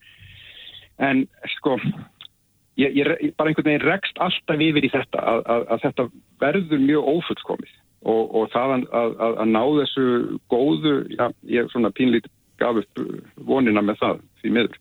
En grundvallraturinn ertu þeirra skoðunar að, hérna, að þetta, þrátt fyrir það að hérna, allar þessar flækjur að þetta gældi sér látt, að mistu úrstu svo mikið þykist ég skilja. Það, mm. það er látt miða við afkomuna, nú hefur við þetta rætt um það, það er sliðurinn í tíma og ef afkoman hefur verið góð, ég menna við vitum, mm. það, það liggur fyrir, ef þú bara skoðar uh, reglugjörðina fyrir, fyrir þetta ár, að, að viðgjaldi mun hækka, sennilega verulega, nákvæmlega hvar það endar fyrir auðvitað eftir hvað sem ekki veiðist á árinu uh, og að öllum líkindum uh, að það mun að líka verða að herra á, á næsta ári og Hitt er hann að mál sko, ef afkoman vestnar þá, uh, sem við vitum við þetta ekki, verður þá ekki afturkomin í þáttin til inn til þess að rífast um það að veiðigjöld sí og há. Og, og þetta er grundvallar galli við, við þessa nákun. Það er þessi sveibla upp og neður. Nú, Já, nú, þessi, hmm. þessi hliðurinn í tíma er mjög óhefpileg. En er það nú ekki bara þannig í svona stórum fyrirtækjum að þau vita cirka hvað þau eru búin að veiða og hver kostnaðurinn og þau geta bara einfallega lagt fjármakt til hlýðar til þess að greiða veiðgjöldinu þau vita að þau koma? Jú, en samt kvartan og hefur hún þegar henni finnst við á há, sko, eins og 2017 já, minn, já, já. já, þá eru við líka, ég meina, ég held að það við munað ótrúlega miklu að ná að styrta þetta um árið. Það verður þá tvö ár aftur í tíman heldur en þrjú ár. Mm -hmm. Það er meiri fyrir sjáanleiki í því. Við vitum til dæmis núna að ákoma í sjáurútu í 2019 var mjög góð, þannig að við getum gengið út frá því að gjaldið 2021 verði hærra en það í öllu fallir í dag og hærra í öllu fallir en það var í fyrra. Mm -hmm þannig að hérna, það máli vænta þessum en við... Það óbreytum reglum er bara hægt að reikna það út nákvæmlega. Svo til og sérstaklega Nei, í þess... Nei, það er staðið, jú, fyrir leiðum heinur, Sara. Já, sko, maður getur í öllu falli nálgaða hvað stæstu tegundindan varðar eins og til dæmis þorskin. Þá svona sirkabát getur maður síða því að maður sér, sér það hérna aftur á baka, það er það er svo, og við höfum nú rætt það held ég við daðið, ég meina það er svo tegund sem að eru bestu í alla jafna upplýsingar um, eh, hérna það er mm. mest veitt af honum og mest verðmæti í honum fólkin, en mér finnst við hins vegar bara ekki vera að tala um kjarnamálsins og hvaða mm. raunverulega er sem að daði vill eh, hann er auðvitað varaformað flokks sem að vill ekki veðigjaldið, heldur vill upp og afla heimilda og þá, þá finnst mér bara rétt að við ræðum það. Mm -hmm. og hverjir kostirnir eru við það umfram það sem við höfum í dag. Því að veist, það, það eins og því, mér finnst það ekki gaglegt fyrir umræðin að segja hérna, fjóri miljardar eru lítið með ákomin eins og hún er í áru eitthvað. En ég meina það eru bara ekki lögin. Og við þurfum þá að takast á um það ok, hvað er það sem að lögjafinn mögulega vil mm -hmm. Já, það er yfir til þín með þetta Já, sko, hérna, og, og takk ykkur fyrir tækifæri til að fá að ræða þetta. Nú er þetta í sjálfu sér uh, umræða sem er orðið mjög gömul og ég uh, higga ég fari rétt með að ég hafi lagt fram þessar tilugur uh, raunar áður en að nokkur aðkoma mína stjórnmálum hófst 2013. Sko, Fiskveðistjórn á Íslandi hefur gengið mjög vel og ég hef skrifað mikið að greinum og þið getið að þið nenni les, lesið þær hérna reytirindar erlendar greinar um sagt, þróun sjárótus á Íslandi sem hefur verið með mjög jákvæðum hætti. Það er umverulega fá rík í heiminum sem að ná eins langt í að skapa verðmæti úr þessum takmörkuðu öðlindum og uh, haga fiskviðstjórninni með skynsænum hætti uh, heldur en Íslandingar hafa, hafa náða að gera. Það er bara frábær árangur og, og virkilega þess verði að, að við séum stolt af því. Um, Hittir hann að mála það eru eilífa deilur um kerfið og ég verði að viðkenna, ég hefa því nokkrar áhyggjur að um, þjóðin mun á endanum gefast upp á á, á hérna núverandi fyrirkomulegi og, og taka upp eitthvað sem að uh, hugsanlega er miklu síðra vegna þess að mikið af þeim hugmyndum sem eru þarna út um fiskveistjórnum er að mínu viti ekki skynsanlega. Uh, það er hugmyndir sem að ég hef lagt fram og, og, og er þá líka hugmyndir sem að viðreist nefur stöft uh, e, snúast um það að, að fara úr sagt, þessum lagavarða rétti sem að, sem að hérna, aflaflutdeildin er og yfir í samninga sem, a, sem eru þá engaréttarlegs eðlis og, og, og tímabundnir og, og að í stað þess að, að ríkið sé með einhverjar reiknireglur og, og, og einhver yfirlitt og eftirlitt og, allt þetta sem er í kringum viðgjaldið þá sé það einfallega útgenni sjálf sem ákveði viðgjaldið með, með þegar að viðskipt eiga sér stað með, með þessa, þessi réttindi. Mm -hmm. Til hvers myndi þetta leiða? Ég held í sjálfur sér að aðalatriði sé að þetta myndi uh, til lengri tíma litið uh, skapa sátt. Það er mín von vegna þess að það er mjög mikilvægt að við sköpum sátt. Það, það er mjög vond fyrir útgerðin að búa við pólitíska óvissu. Uh, það er ekki gott að, að, að, að það þurfi að til dæmis rástafa fjármunum í það að, að, að verja uh, svona einhverja pólitíst óvisa stöðu. Uh, það er mikið heppilega að við getum einfallega þá uh, hort á útgeðina já, sem það gullleg sem raunverulega er mm. og, og, og það sé þá minni deilur um þetta vegna þess að það skiptir okkur alveg rosalega miklu máli að við einmitt sköpum um sáttum um, um þetta kerfi. En er þetta sátt sem að hérna, myndi þýða það að útgeðina myndi greiða herra veiðigjald heldur hún gerir í dag? Nei, það veitum við ekki og, og sko, það, það fer eftir í hversu langi samningarnir eruðu uh, og, og hérna það er útfæslu atriði. Það er hægt að hugsa sér fyrirkomulag sem er eins og þetta, það sem að veiðigjaldið uh, tekjurnar að því eruðu sveipaðar, herri og læri, það er útfæslu atriði. Já, Hvað séur hér um þetta? Er þetta, þér hugnast ekki þetta fyrirkomlega? Fyrir mér, hérna, að mínu viti er mjög lítill munur á því hvenar þú ætlar að fara í upp og aflæðimildi að hvenar þú færi það sem að menn vilja þá kalla langtíma samninga. Einhvern veginn þartu að útdeila þessum langtíma samningum og þú þarf líka að innkalla þá það sem að fyrir er. Þannig að áhrifin verða líkindum þau sömu, kannski misjaflega hversu drastísku þau verða eða hversu hérna, mikil áhrifin, mikil, mikil þau verða en við vitum það líka alveg og við höfum reynsluna annar staðar frá uh, hérna í svona yngvöldun aflaheimilda og útdeilingu að nýju. Uh, færiðingar fóri þessa tilrunni með upp á aflaheimilda 2016-2020 eru hættir því núna. Uh, rúsar og eistar fóri í, í þetta í kringum aldamótin og reynslan er öll á sambærilegan veg. Það er aukinn skuldsetning það er samdráttur í hagnaði skatteikjur rík, ríkjana minguðu það er aukning ólöglegra veiða vegna þess að það er þrýstingur á auknar tekjur og þar með löndun fram hjá vikt til að standa undir þessu gjaldi sem að greitt hefur verið fyrir heimildinnar eh, og fjárfesting dregst saman og þetta rýmar meirins að ágjörlega við niðurstöður daða eins og hann komst að 2010 þegar hann skrifaði greina gerð fyrir Guðbjörnsnemdina mm -hmm. um áhrif fyrninga eða langtíma samninga þá nefnir hann hluta af þessum áhrifum uh -huh. fyrir utan það að hérna, þið augljósa er klárlega aukinn samþjöpun Myna, markmið uppbóða eh, og það hefur komið fram meðal annars í máli Gary Leibkapp og, og Charles Plott sem að hinga komið 2016 Hvers vegna ferði uppbóð? Jú, vegna þess að það er einhver óhagkvæmni í kerfinu eða markarsprestur. Það er ekki til staðar á Íslandi en það mun leiða til, þú vilt ná fram þessari hagkvæmni, þú vilt ná fram samþjöpunum uppbóðum. Það eru þeir fjársterku, þeir sem að geta betur rekið sig sem að ná að kaupa aflaheimildur uppbóðum og það sá við alveg á uppbóðum í færiðum. Það voru fáir stórir sem að fengu. Mm. En hérna, hversu langir voru þessi, hérna, voru þessi samningar eða þessur aflaheimildir, til hversu langs tíma voru það sem voru seldar í færi? Annars vegar tíu ár hérna, hluti og svo eitt ár hluti. Fyrst og fremst til eins árs og það, þetta dettur einhverjum helvita manni að fara að bjóða upp það og öll svo útfærsla var mjög alvarlega göll þannig að, að það að einhvern veginn benda á e, svona galna framkvæmda á uppbúðum og segja að það týði að virki ekki finnst mér svolítið langsótt Uh, ég held að ég tek alveg undir og ég meina ég hef ekkert skipt um skoðun frá 2010 ætlum við að útfæra svona fyrirkomulega hjá okkur þá verðum við að vanda okkur í því.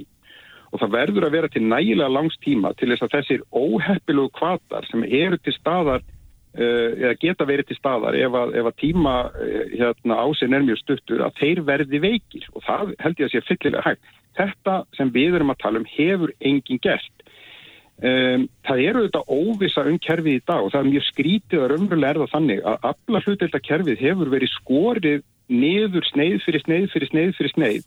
Uh, frá því það, það var tekið upp þannig að, að aðrar veiðar, hvort það eru veiða í krókablamaskerfinu eða strandveðarnar uh, hafa verið sneittar af því. Og ég verða viðkjanna að þegar kemur aðeins mikill í grundvallar atvinnugrein og sjáarúturinn er að það finnst mér bara ekkit í lægi að þetta sé hægt Ég get tekið undir þetta, það, alltaf, það er alltaf verið að sneiða af kerfinu, mm. ég meina ríki tekur 5,3% sem eru þetta ekkit annað en óbein gjaldtaka uh, af þeim sem að hafa veðréttin. Uh, það eru ykkurir hérna, 6-8 miljardar ár hvert sem að ríkið hefur til ástöfunar í henni ímsu samfélagslegu verkefni sem að fólk þá gerir enga kröfum að nokkur arsemi komi af. Mm. Eh, en mér finnst við líka bara og það er til að hérna, eins að breyka umræðin og þar eru við daðalveg örgulega sammála að veiðigjaldi að gjald taka sem slík svona hérna, af öðlindinni verður ekki upp á endir alls í sjáarútu um það hvaða verðmættu við erum að skapa uh, af þessari öðlind. Um að daði hefur sagt að sjálfur og sagði það hér áðan líklega ekkert en hann hefur endar áður sagt ekkert land í heiminum hefur búið til jafn mikið verðmættu sjáarútu eins og svo íslenski. Mm. Þar eru við sammála að því það er svo margt annað sem að spila ranna inni og sem dæmi bara þessi markveldis áhrif í tækni þróunni, í hátækni vinslunni sem við erum að þróa og búa til og selja út í heim. Ég nefnir sem dæmi Marel, markasveri Marel í dag er hvað 7-8 miljardar. Það er meira virði, 700-800 eh, miljardar segir, það er meira virði heldur en allar aflaheimildir í landinu. Þetta eina fyrirtæki sem á rætur sínar í sjávarútvi og hérna Eh, annaði þessu líka um fullvinnslu afurða. Ég meina metnaður okkar liggur í því að vinna afurðnar hér heima þannig að verðmætin verði til hér heima. Það er til dæmis dæmi sem að færingar hafa sagt og sögði skýslu sinni þegar þeir voru að þróa þessu uppbóð sín. Eh, þar sögur við viljum líka reyna að auka verðmæta vinsluna eða vinsluna í landi. Það eru normen líka reyna og alltaf horfaði til Íslandinga það eru svona áhrif en, sem að búa til þessi verðmæti í sjávarútu það er ekki bara gjaldtakan sjálf. Nei, nei, nei, ekki, það er alls ekki gjaldtakan sem bjóð þetta til, heldur fyrir sjáanleikin í kerfinu. Og þess vegna held ég að við bæði séum sammálum þetta atriði, við erum bara sam, ósamálum það hvort að það að þetta séu réttindi varin af stjórnarskráni eins og engaréttalegi samningar myndu verða eða varin af lögum eins og núverandi kerfi er, eh, hvort sé heppilegra til lengri tíma. Því á endanum að þá er ég algjörlega sammálaður um tækifærin sem felast í uh, sjávarútvegi til lengri tíma. Ég heldur einar að sko, Íslendingar eru sannlega lengst komnir allra sjóða í uh, því sem kallaði fjórða innbyltingin uh, og hún mun hverki hafa meiri áhrif heldur en í vinslu sjávarafurða vegna þess að, að sjávarafurður eru svo misleitar, það er svo erfitt að staðla vinslun á þeim tækni sem getur ráðið með misleita vörum mun breyta mjög miklu í því. Þannig að, að e, sko þarna er við sjálfur sér e, sammála, við erum ósamála hins vegar um það hvort að, að það að Uh, skilja eftir pólitísku óvissuna um framtíkkerfisin sem opna eða lokinni sé hefðilegt skref. Mm -hmm. Það er, ég held að sé mikil óskikja að halda að við getum einhvern veginn hægt að takast á um sjávarútveg við það að, að setja í stjórnarskrá eða, eða setja á uppbúð eða langtíma, ég menna sko, mér finnst þetta ekki vera sko eigu að setja í stjórnarskrá og þar með verja langtíma samninga með sko fiskveðstjórnarkerfið eða veiðir rétturinn er varin af stjórnarskrá nýtingarétturinn á aflaheimildum. Það er varið í stjórnarskrá. E, lögjafin getur hins vegar, samkvæmt niðurstöðum hæstaréttar, er það lögjafans að gera breytingar frá einum tíma til annars að gefnum þeim skilurðum þó sem á stjórnarskráðan setur þeim og takmörkunum. Mm. Og þar vegast á bara þessi atvinnur réttindi annars vegar og svo er þetta bara ráðstöfun ríkisins á þessari sammeðinlegu öðlind. Já, en það er heimilt að gera breytingar á fiskveistjórnakerfinu samkvæmt stjórnarskrá í dag og það verður heimilt að gera það samkvæmt stjórnarskrá síðar. Stjórnarskráin á ekki að verða, við höfum ekki að ræða fiskveistjórnakerfi út frá því hvað stendur í stjórnarskráin eins og staðan er núna. Meina, hún, hún, hún vera vissuleiti réttindin en það er þó þannig að undir að gera á því breytingar. Já, en ef þetta væri enga réttalegi samningar, þá myndi hún algjörlega verið réttindin vegna þess að það er bara varið af eignar eftir ákvæði stjórnarskrona. Má, má ég koma einu að það, Kristján í viðbót? Já, gerð um, Sko, það er eitt sem ég held að séu líka sammálum við erum. Við erum bara sammálum allar hluti. En svo erum við reyndar ósammálum mjög margt. Mjög ósammálum ákveðna hluti, við erum sammálum annað, það er bara fínt. Uh, og það er að, sko, um, Það er ekki sniðu hugmynd að uh, veiðigjöld eða auðlindagjöld almennt renni í ríkisjóð sem almennar tekjur og ástæðan fyrir því er að þessi gjöld hljóta alltaf að vera sveiplukenda því það eru sveiplur í þessum atvinnugreinum og við viljum ekki yfirskatlegningu vegna þess eins og heyrum koma á þann að þá skerðir það kvata til fjárfestinga og ímislegt sem við viljum alls ekki að gerist. Þess vegna eiga uh, þarf að koma á því fyrirkomulagi á Íslandi að þessi gjöld, hvort það eru arðgreðslur landsvirkjunar eða uh, hérna þessi veiðigjöld renni í auðlindasjóð, uh, frekar heldur en að renna beint í ríkisjóð og að honum sé að hluta til ráðstafað til að draga úr neikvæðum áhrifum uh, eðlilegar hagraðingar í kerfinu sem við vitum alveg að er til staðar, við vitum alveg að það er ákveðin svæði sem hafa komið verð út Uh, og, og það er eðlilegt að samfélagi vergi hluta þessum arði í það. En aðalatriði þetta, þetta má ekki verða að einhvers konar föstum tekjum ríkisins vegna þess að þá breytist hegðun ríkisins. Og við berum saman álagningaferli veiðigjald til dæmis á Grænlandi og Íslandi þá er heimin og haft þar á milli af því að þar eru þetta bara megin tekjur uh, ríkisjóðs Það er svo margt að búa að tæpa og svo margt hérna, hérna, og það er best að ég tæpa á einu þá í lokin líka því við erum alltaf að tala um sátt. Og hérna, eitt aðrið sem að minnst áhugavert og hefur verið nefnt af, af fleirum og það er það að, að eignarhaldi á sjáaröldsfyrirtækjum eru einhvern veginn því eru þannig háttað að þau eru gerða almenningshlutafélum. Þannig að þá með því myndum við tryggja að arðsemi þeirra rinni til fleiri heldur en það gerir í dag. Myndi þetta ekki leysa í raun og veru svona þess að deila um það hvort að þetta er hérna, að því að í grunninn erum við að deila um það hvert peningarnir fara, í hvaða vasa er hennar. Það er grunnurinn. Allt hefur sína kost og galla. Mm. og ég hérna, held að það sé tvímælust þannig að því fleiri fyrirtæki sem skráður á markað að því svona aðgengilegri verða upplýsingar og fólk skilur kannski betur hvernig reksturinn er. Og svo, jú, auðvitað, lífeyri sjóður aðrir geta þá fjárfest í fyrirtækjunum. Og þar með á almenningur svona beina hlutdeild í afkomi fyrirtækjana Uh, en það er líka þannig að þetta er hérna, viðkvæmt, ef við ætlum að hugsa um þetta þannig að þetta sé til að, hérna, að við séum með hagkama sjávarútu sem getur treyst byggði í landinu þá er óttast margir það líka við skráningu á markað uh, að þá uh, hafa menn minni áhrif á það hvernig þróunin verður á hvert aflahluteldin færist. Uh, það er ekki tíð þá til fyrirstöðu jafnvel að, að hérna, fyrirtækin uh, fari úr hérna, sveitafélaginu eða annað þess að er. það hefur verið miklu minna um það ef við skoðum bara landshlutana Guggan verður áfram gul, svo maður nefnir nú bara eitt dæmi, sko. auðvitað hafa einhverja breytingar orðið en heilt yfir ef við skoðum landsluta og breytingu á aflaheimildum alveg frá því að framsali var heimilað þá eru þær nú harla litlar og ég meina tek, útsvarstekjur allra lands hérna, hluta hafa aukist frá sjávarúti á þessu tímabili. Þannig að það hefur ekki verið mikil breyting en auðvitað hafa einstakar byggðir hérna borið skarðan hlut þegar að samþjöppunin á sér stað sem að var auðvitað markmið lögjafans, samþjöppun. Og það mun að líkindum verða frekar í samþjöppun í þessum geira. Sko, það, ég held að þetta sé á margan hátt sko fín uh, hérna, fín komment frá þér Kristján og, og, og sko ég, ég tek undir þessi sjónamið með að, að, að það væri eðlilegt að, að, að, að fleiri fengi tækifæri til að fjárfesti þessar aðvungreinum. Fyrst og fremst held ég að skráning væri snið út frá bara gagsa í sjónamiði og sko það sem okkur bara gæfa til að gera á sín tíma, ég held að sé of lítið talað um er hversu gegnsætt kerfið er að jafna og þess vegna hef ég nú verið að gagnina veiðgjaldi fyrir að vera aldrei óskiljanlegt að ég og fimm aðri skilji það og það sé ekki gott um, að, að, að við höfum til dæmis alltaf ef mann farin á vef fiskistofi þá geta þið fengið fullkomnar upplýsingar um kvóta eign og kvóta stöðu og landanir og allt þetta, þetta hefur bara verið matter of public record á Íslandi. Ég held að við, við uh, gerðum kröfu um skráningu þessar stærstu fyrirtækja það myndi það líka tíða ákveð gegnsægi í rekstrinum sem ég held að væri mjög heppilegt. Uh, en, en það er í sjálf sér alveg hægt að taka undir með heyruna að sko það, það munu þetta uh, skapa svona, uh, kannski leysa ákveðna byggðarfestu sem er að finna í sumu fyrirtækjum þó að ég efist um að, að það séu á endanum deknar ákvarðar inn, í- inn í þeim fyrirtækjum sem eru fyrirtækinu uh, óarðbærar. Ég held að, að það að finnum uh, stór fyrirtæki út á landi sé bara vegna þess að það borgis hafa stór fyrirtæki út á landi.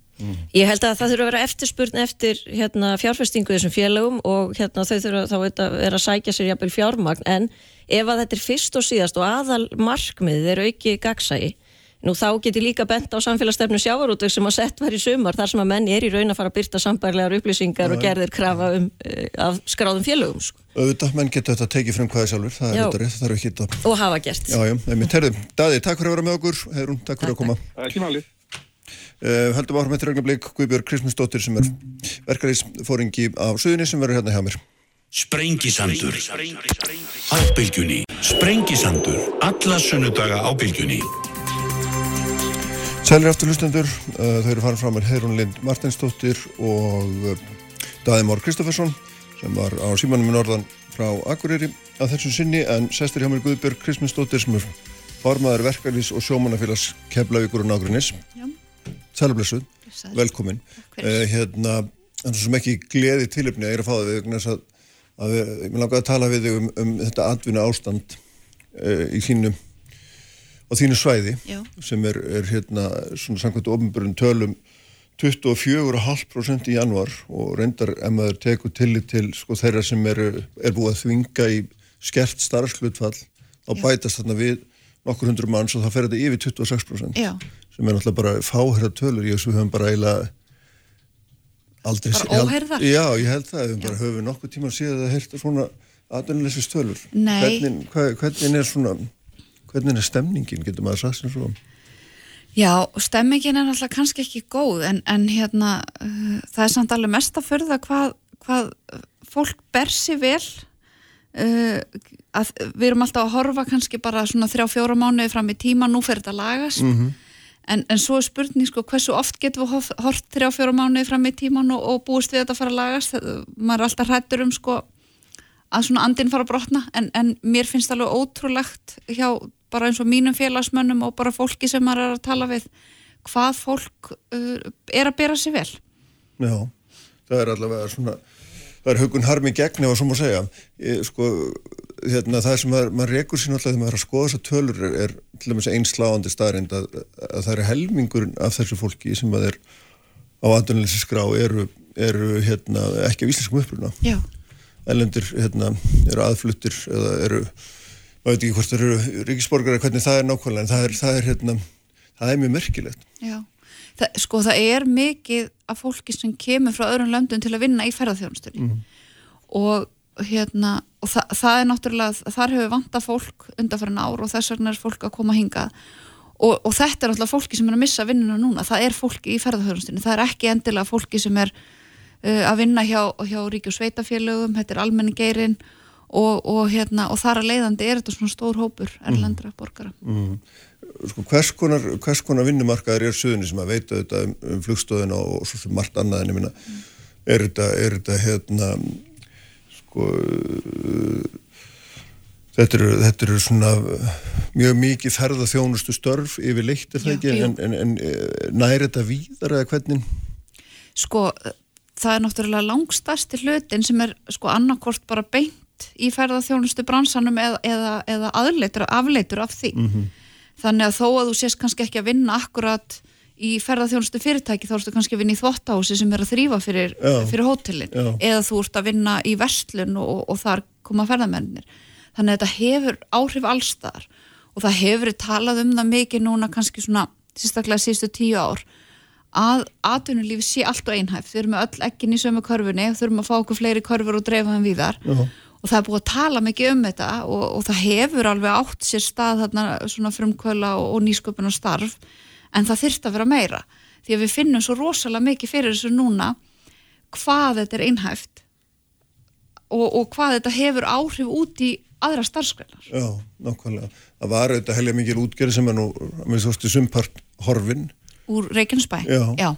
og, og hérna, svo var auðvitað hérna, mjög misöfnu tilrönd til þess að reka hérna í Helguvík versmiður og, og Já. vera með hérna risahafnir og svo framvegs og, það, og síðan þetta fór, ef maður fer lengri aftur þá þetta fór hérna, fór varnalið að stærstum hluta og Já. þannig að þetta hafa alltaf verið gríðalega sviftingar á síðustu svona 15-18 árum. Þetta eru, þetta eru, það er búið að vera þrjú svona stór áföll eða þrý skellir núna bara á, á tiltöla stuttum tíma og, og hérna og Suðunisinn hafa fengið mikið að finna fyrir því það er svona rétt verið búið að klára eitt þegar næsta kemur þannig að hérna já, þetta, þetta er, það er búið þurfa að takast á stóra hluti og, og, og hérna og vonandi verður farið í einhverja svona mjög markvisa vinnu í það að, að gera atvinnulífi fjölbreytara svo, svo, breytara svo við séum ekki að fara í þennan pakka einaferðin enn. Já, en hva, hvað finnst þér hérna því að e, sko nú hefur þetta verið fjölm, fjö, eða hafa stjórnmjöld verið að setja fram fjölmörg úrræði fyrir fólk og álítið hérna hafa þau nýst vel en,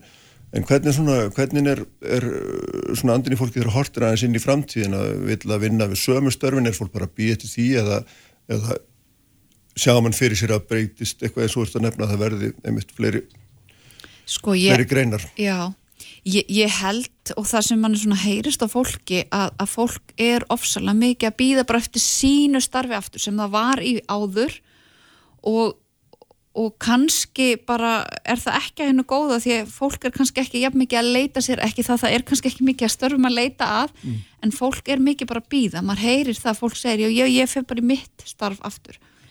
Og, og hérna kannski er það bæði til þess komið að, að, að það er ekki margt annað í bóði en, en líka kannski bara fólk var ánætt í sínu starfi og, og, og hérna, vildi vera þar. Þannig að ég held að það sé svona báðar ástæðunar kannski svona hefst Já, en væntalega hafið þið nátt uh, þú fyrir hand þinna svona umbjöðanda fjölmur samtöl við bæjarjöfuvöld og ríkistjórn og, og hérna og hvað, heit, hvað þetta heitir allt saman? Við- svona, hva, hvernig er tónin í þessu? sko við hérna fórum svona margir aðilar sem standa að þessu öllu uh, í svona samstarf í, í haust og vorum með íbúafund og þar sem að hérna kom út úr því var að, að vinnumálastofnun og, og, og hérna sveitafélagin gerðu með sér samkomulag um, um sem sagt svona um, vinnumarkas átak að, að, að fá fólk svona meira til starfa hjá sveitafélagunum og ríkinu og, og hérna og það hafa verið, vinnumálstofnun er búin að vera með uh, og ebla sín úrræði. Uh, félögin, stjættafélögin hafa farið í bara mjög markvis uh, og bara öflug uh, námsúrræði þar sem við hefum verið að borga annarkort bara námskeið að fullu fyrir fólk og þetta eru svona námskeið sem miða að því að gera einstaklingarna sterkari starfsmunum ekki kannski svona hobby námskeið að slikt Nei, og fólk hefur verið duglegt að sækja það og svo hafa held ég bara flest öll stjættafélögin verið með hafa aukið uh, sérst, hlutan í, í svona endurgræslu fyrir nám úr 75% í 90% þannig að, að hérna, við höfum svolítið verið að setja svona markmið í það að gera fólk þá sterkari þegar það kemur tilbaka. Mm. og, og það hefur svolítið verið svona í umræðinu að, að, fólk er að tala um sko, ég ætla að vera fyrstur inn þegar að vera að fara að ráða aftur þess vegna er fólk að styrkja sig. En, en hérna en svo er náttúrulega alltaf eh, og hefur verið mikið gaggrínt af fjölmörgum aðilum hversu lítill hluti eða hversu lág hluti er uh, að greiðslum frá ríkjun er að koma til dæmis á stopnanir, skólan og sjúkrásið því að sko Reykjanesi hefur, hefur vaksið svo gríðarlega síðustu ár og fjölga svo rosalega mikið fólki þar en þjónustan er enn, enn svo sama. Þetta er sama sjúkrási og var þegar ég flutti þarna fyrir 20 árum. En það er búið að fjölga um sko meirinn 10.000 manns þannig að allir svona innviðir það þarf að styrkja þetta allt svo gríðarlega. Og þetta er akkur tími til þess. Já, en það sést kannski ekki mikið af slíkum verkefnum eða hvað? Sko það hefur verið farið í svolítið að svolítið verkefnum upp, og er verið að fara í upp á velli. Þetta er náttúrulega, maður verður líka að gera sig grein fyrir að þú, þú stekkur ekkit í svona stór verkefni Nei, bara á mánuði, sko, Nei, nei. þetta þarf allt sinn undibúning og slíkt. Og það er alveg svoleiðis í, í hérna í undibúningi og jafnvel byrjað upp á velli. En þetta eru svolítið einhæfstörf og það hefur verið talað svolítið mikið um það vantar kvennastörf inn í svona. Þú veist, ég er ekki að segja að konur get ekki fara á malbyggað og smíðað og eitthvað svoleiðis en það er svona sækja kannski síður í slík störf. Já. og það vantar svolítið svona úrræði fyrir kvennastörf því að konur eru í meiri hluta þeirra sem eru atvinnuleysi þannig að það kannski þarf að taka hans til þar Já, einmitt. En, en, en allir þessir hérna, kalla bara útlendinga sem eru hérna þarna sem eru á, á atvinnuleysinsgráð, þetta eru einhverjum 1400 manns held ég Já. uh, á þessu svæði, ég meina, hvernig, hvernig reyðir þeim af? rosalega misjaflega Þe, þeir eru sko um, þeir eru mjög mismunandi stattir svona uh, félagslega hvort þeir séu með eitthvað net í kringum sig mjög margir af þeim sem að voru kannski að koma einir hérna að vinna eru bara farnir út aftur. Þeir eru kannski að klára bótaréttin sinn eða, eða jafnvel bara farnir og við sjáum það í félaginu hjá okkur að stór hluti af útlendingum er bara farin heim. Hvort, hvort þeir eru bara heim að býða og koma svo aftur veit ég ekki. En, en svo eru kannski þessi sem eru frá fámennarlöndum. Pólverjarnir eru náttúrulega mjög sterkur hópur á þýlitunum til að þeir halda saman, þeir eru með svona Facebook síður og eitthvað svona en þeir sem eru að koma kannski færri frá ákunnulöndum, þeir geta orðið svolítið svona einir út undan sko. og, og, hérna, og hafa kannski ekkert net og þeim er kannski ekki jafnvel að reyða að og maður heyrir það hjá hjálparsamtökum og slíkt að það er mikið langstæsti hlutin af þeim sem koma þar er útlendingar sko. Að, en, en, en svona, að því við tölum hérna um stemningu alltaf kjána þetta orði en e, að því þú nú búin að vera hérna lengi sko, hérna vorum aðeins að tala um hvernig stemningin hefði verið eftir hrun.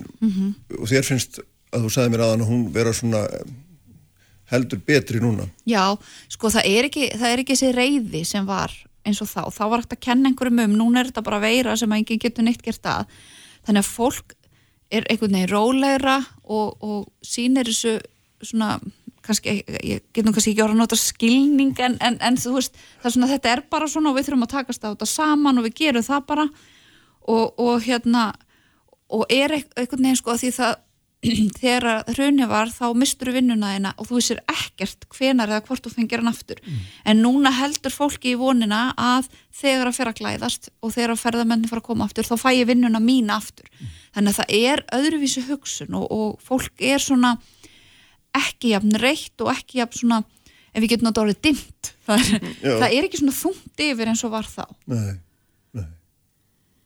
En er, er, er hérna já, er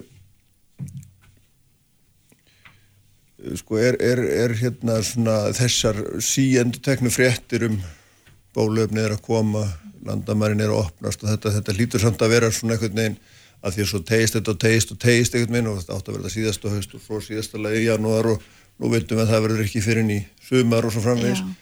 Þetta lítur auðvitað að hafa einhver áhrif á á svona framtíða vonir fólks. Já og líka bara örgla á, á, á bara uh, lundafari hjá því vegna þess að núna eru við líka sko að horfa og nú er fólk að klára tekjutengtu bæturna sínar fyrir að strýpa ratvillisbætur, fólk jafnvel að klára bótaréttin sinn mm. og, og það sem er næst í stöðinni þá það eru félagsbætur hjá sveitafélagunum og það eru talsvest lagri og, og heldur en eru þú ert að fá í atvinnisbætur og það lifir engin á því, þú borgar ekki reikningana og kaupir í matin og því. Þannig að þegar að svo staða fer að koma upp að fólk fer að dett út á bótum að þá, þá hérna þá er staðan orðin svo allt önnur hjá fólki og, og, og svo mun alvarlegri þá hún getur verið alvarleg með orðst á bótum. Þú, það er ekki háar upphæðir.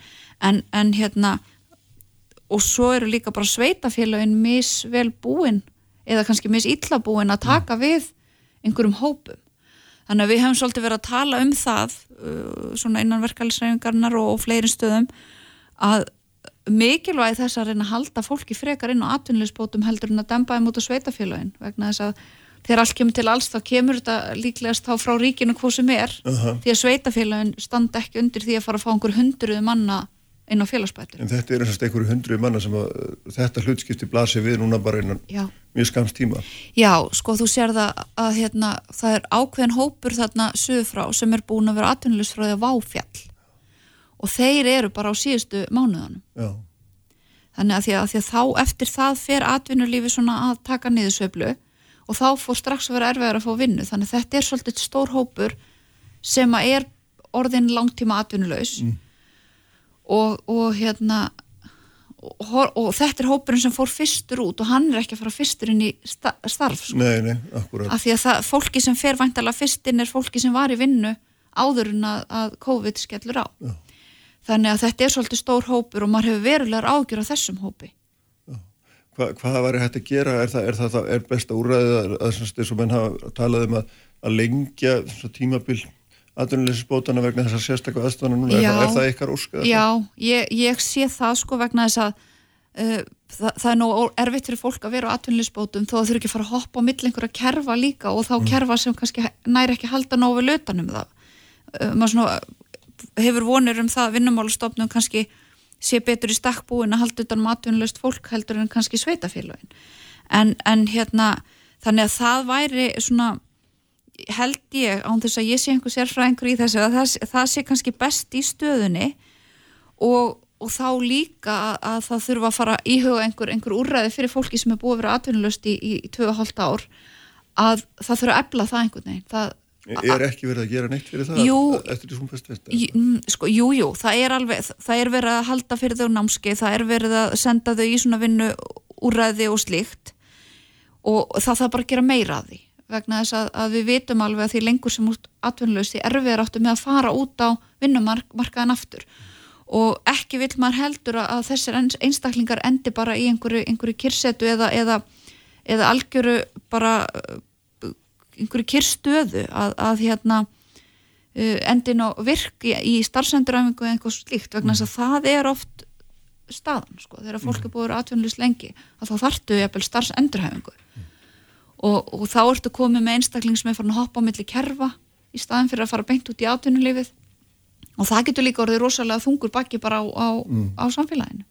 Þannig að staðar hérna er það þannig að, að það er tölurur hópur sem er nú þegar komin í í mjög erfiða mjög erfið mál og hérna þó að þorrin sé kannski ennþá einhvern veginn tilbúin að takast á vel í það aftur þá er þarna dágóður hópur sem er komin í mjög þunga, Já. þunga stöðu Já, og ég er svolítið hrætt um sko, að því að þó svo við fyrir maður stað og þó svo það færi, eins og maður óskar að þetta færi hratt af stað, Já.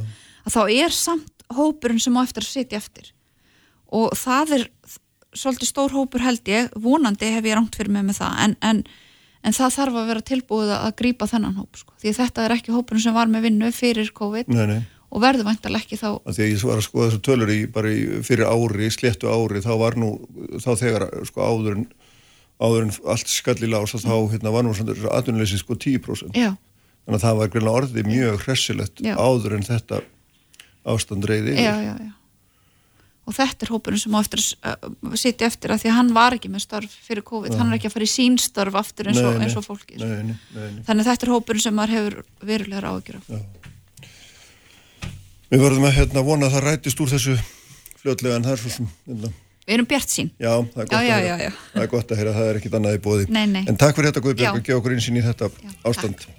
Og við verðum að láta sprengisendurinn lokið í dag. Ívar Davíð Haldursson stýrði þetta útsendingun eins og hann gerir alla jafna. Nú allt efni okkar má fylgja og finna á bilgjan.is og vísi.is og svo er þetta að finna okkur auðvitað allstað það sem þið finnir hlaðverk á Spotify og, og miklu víðar svo ætlum ég að vera hér sjálfur með ykkur eftir eftir. Viku við látum þessu lokið í dag. Verið sæl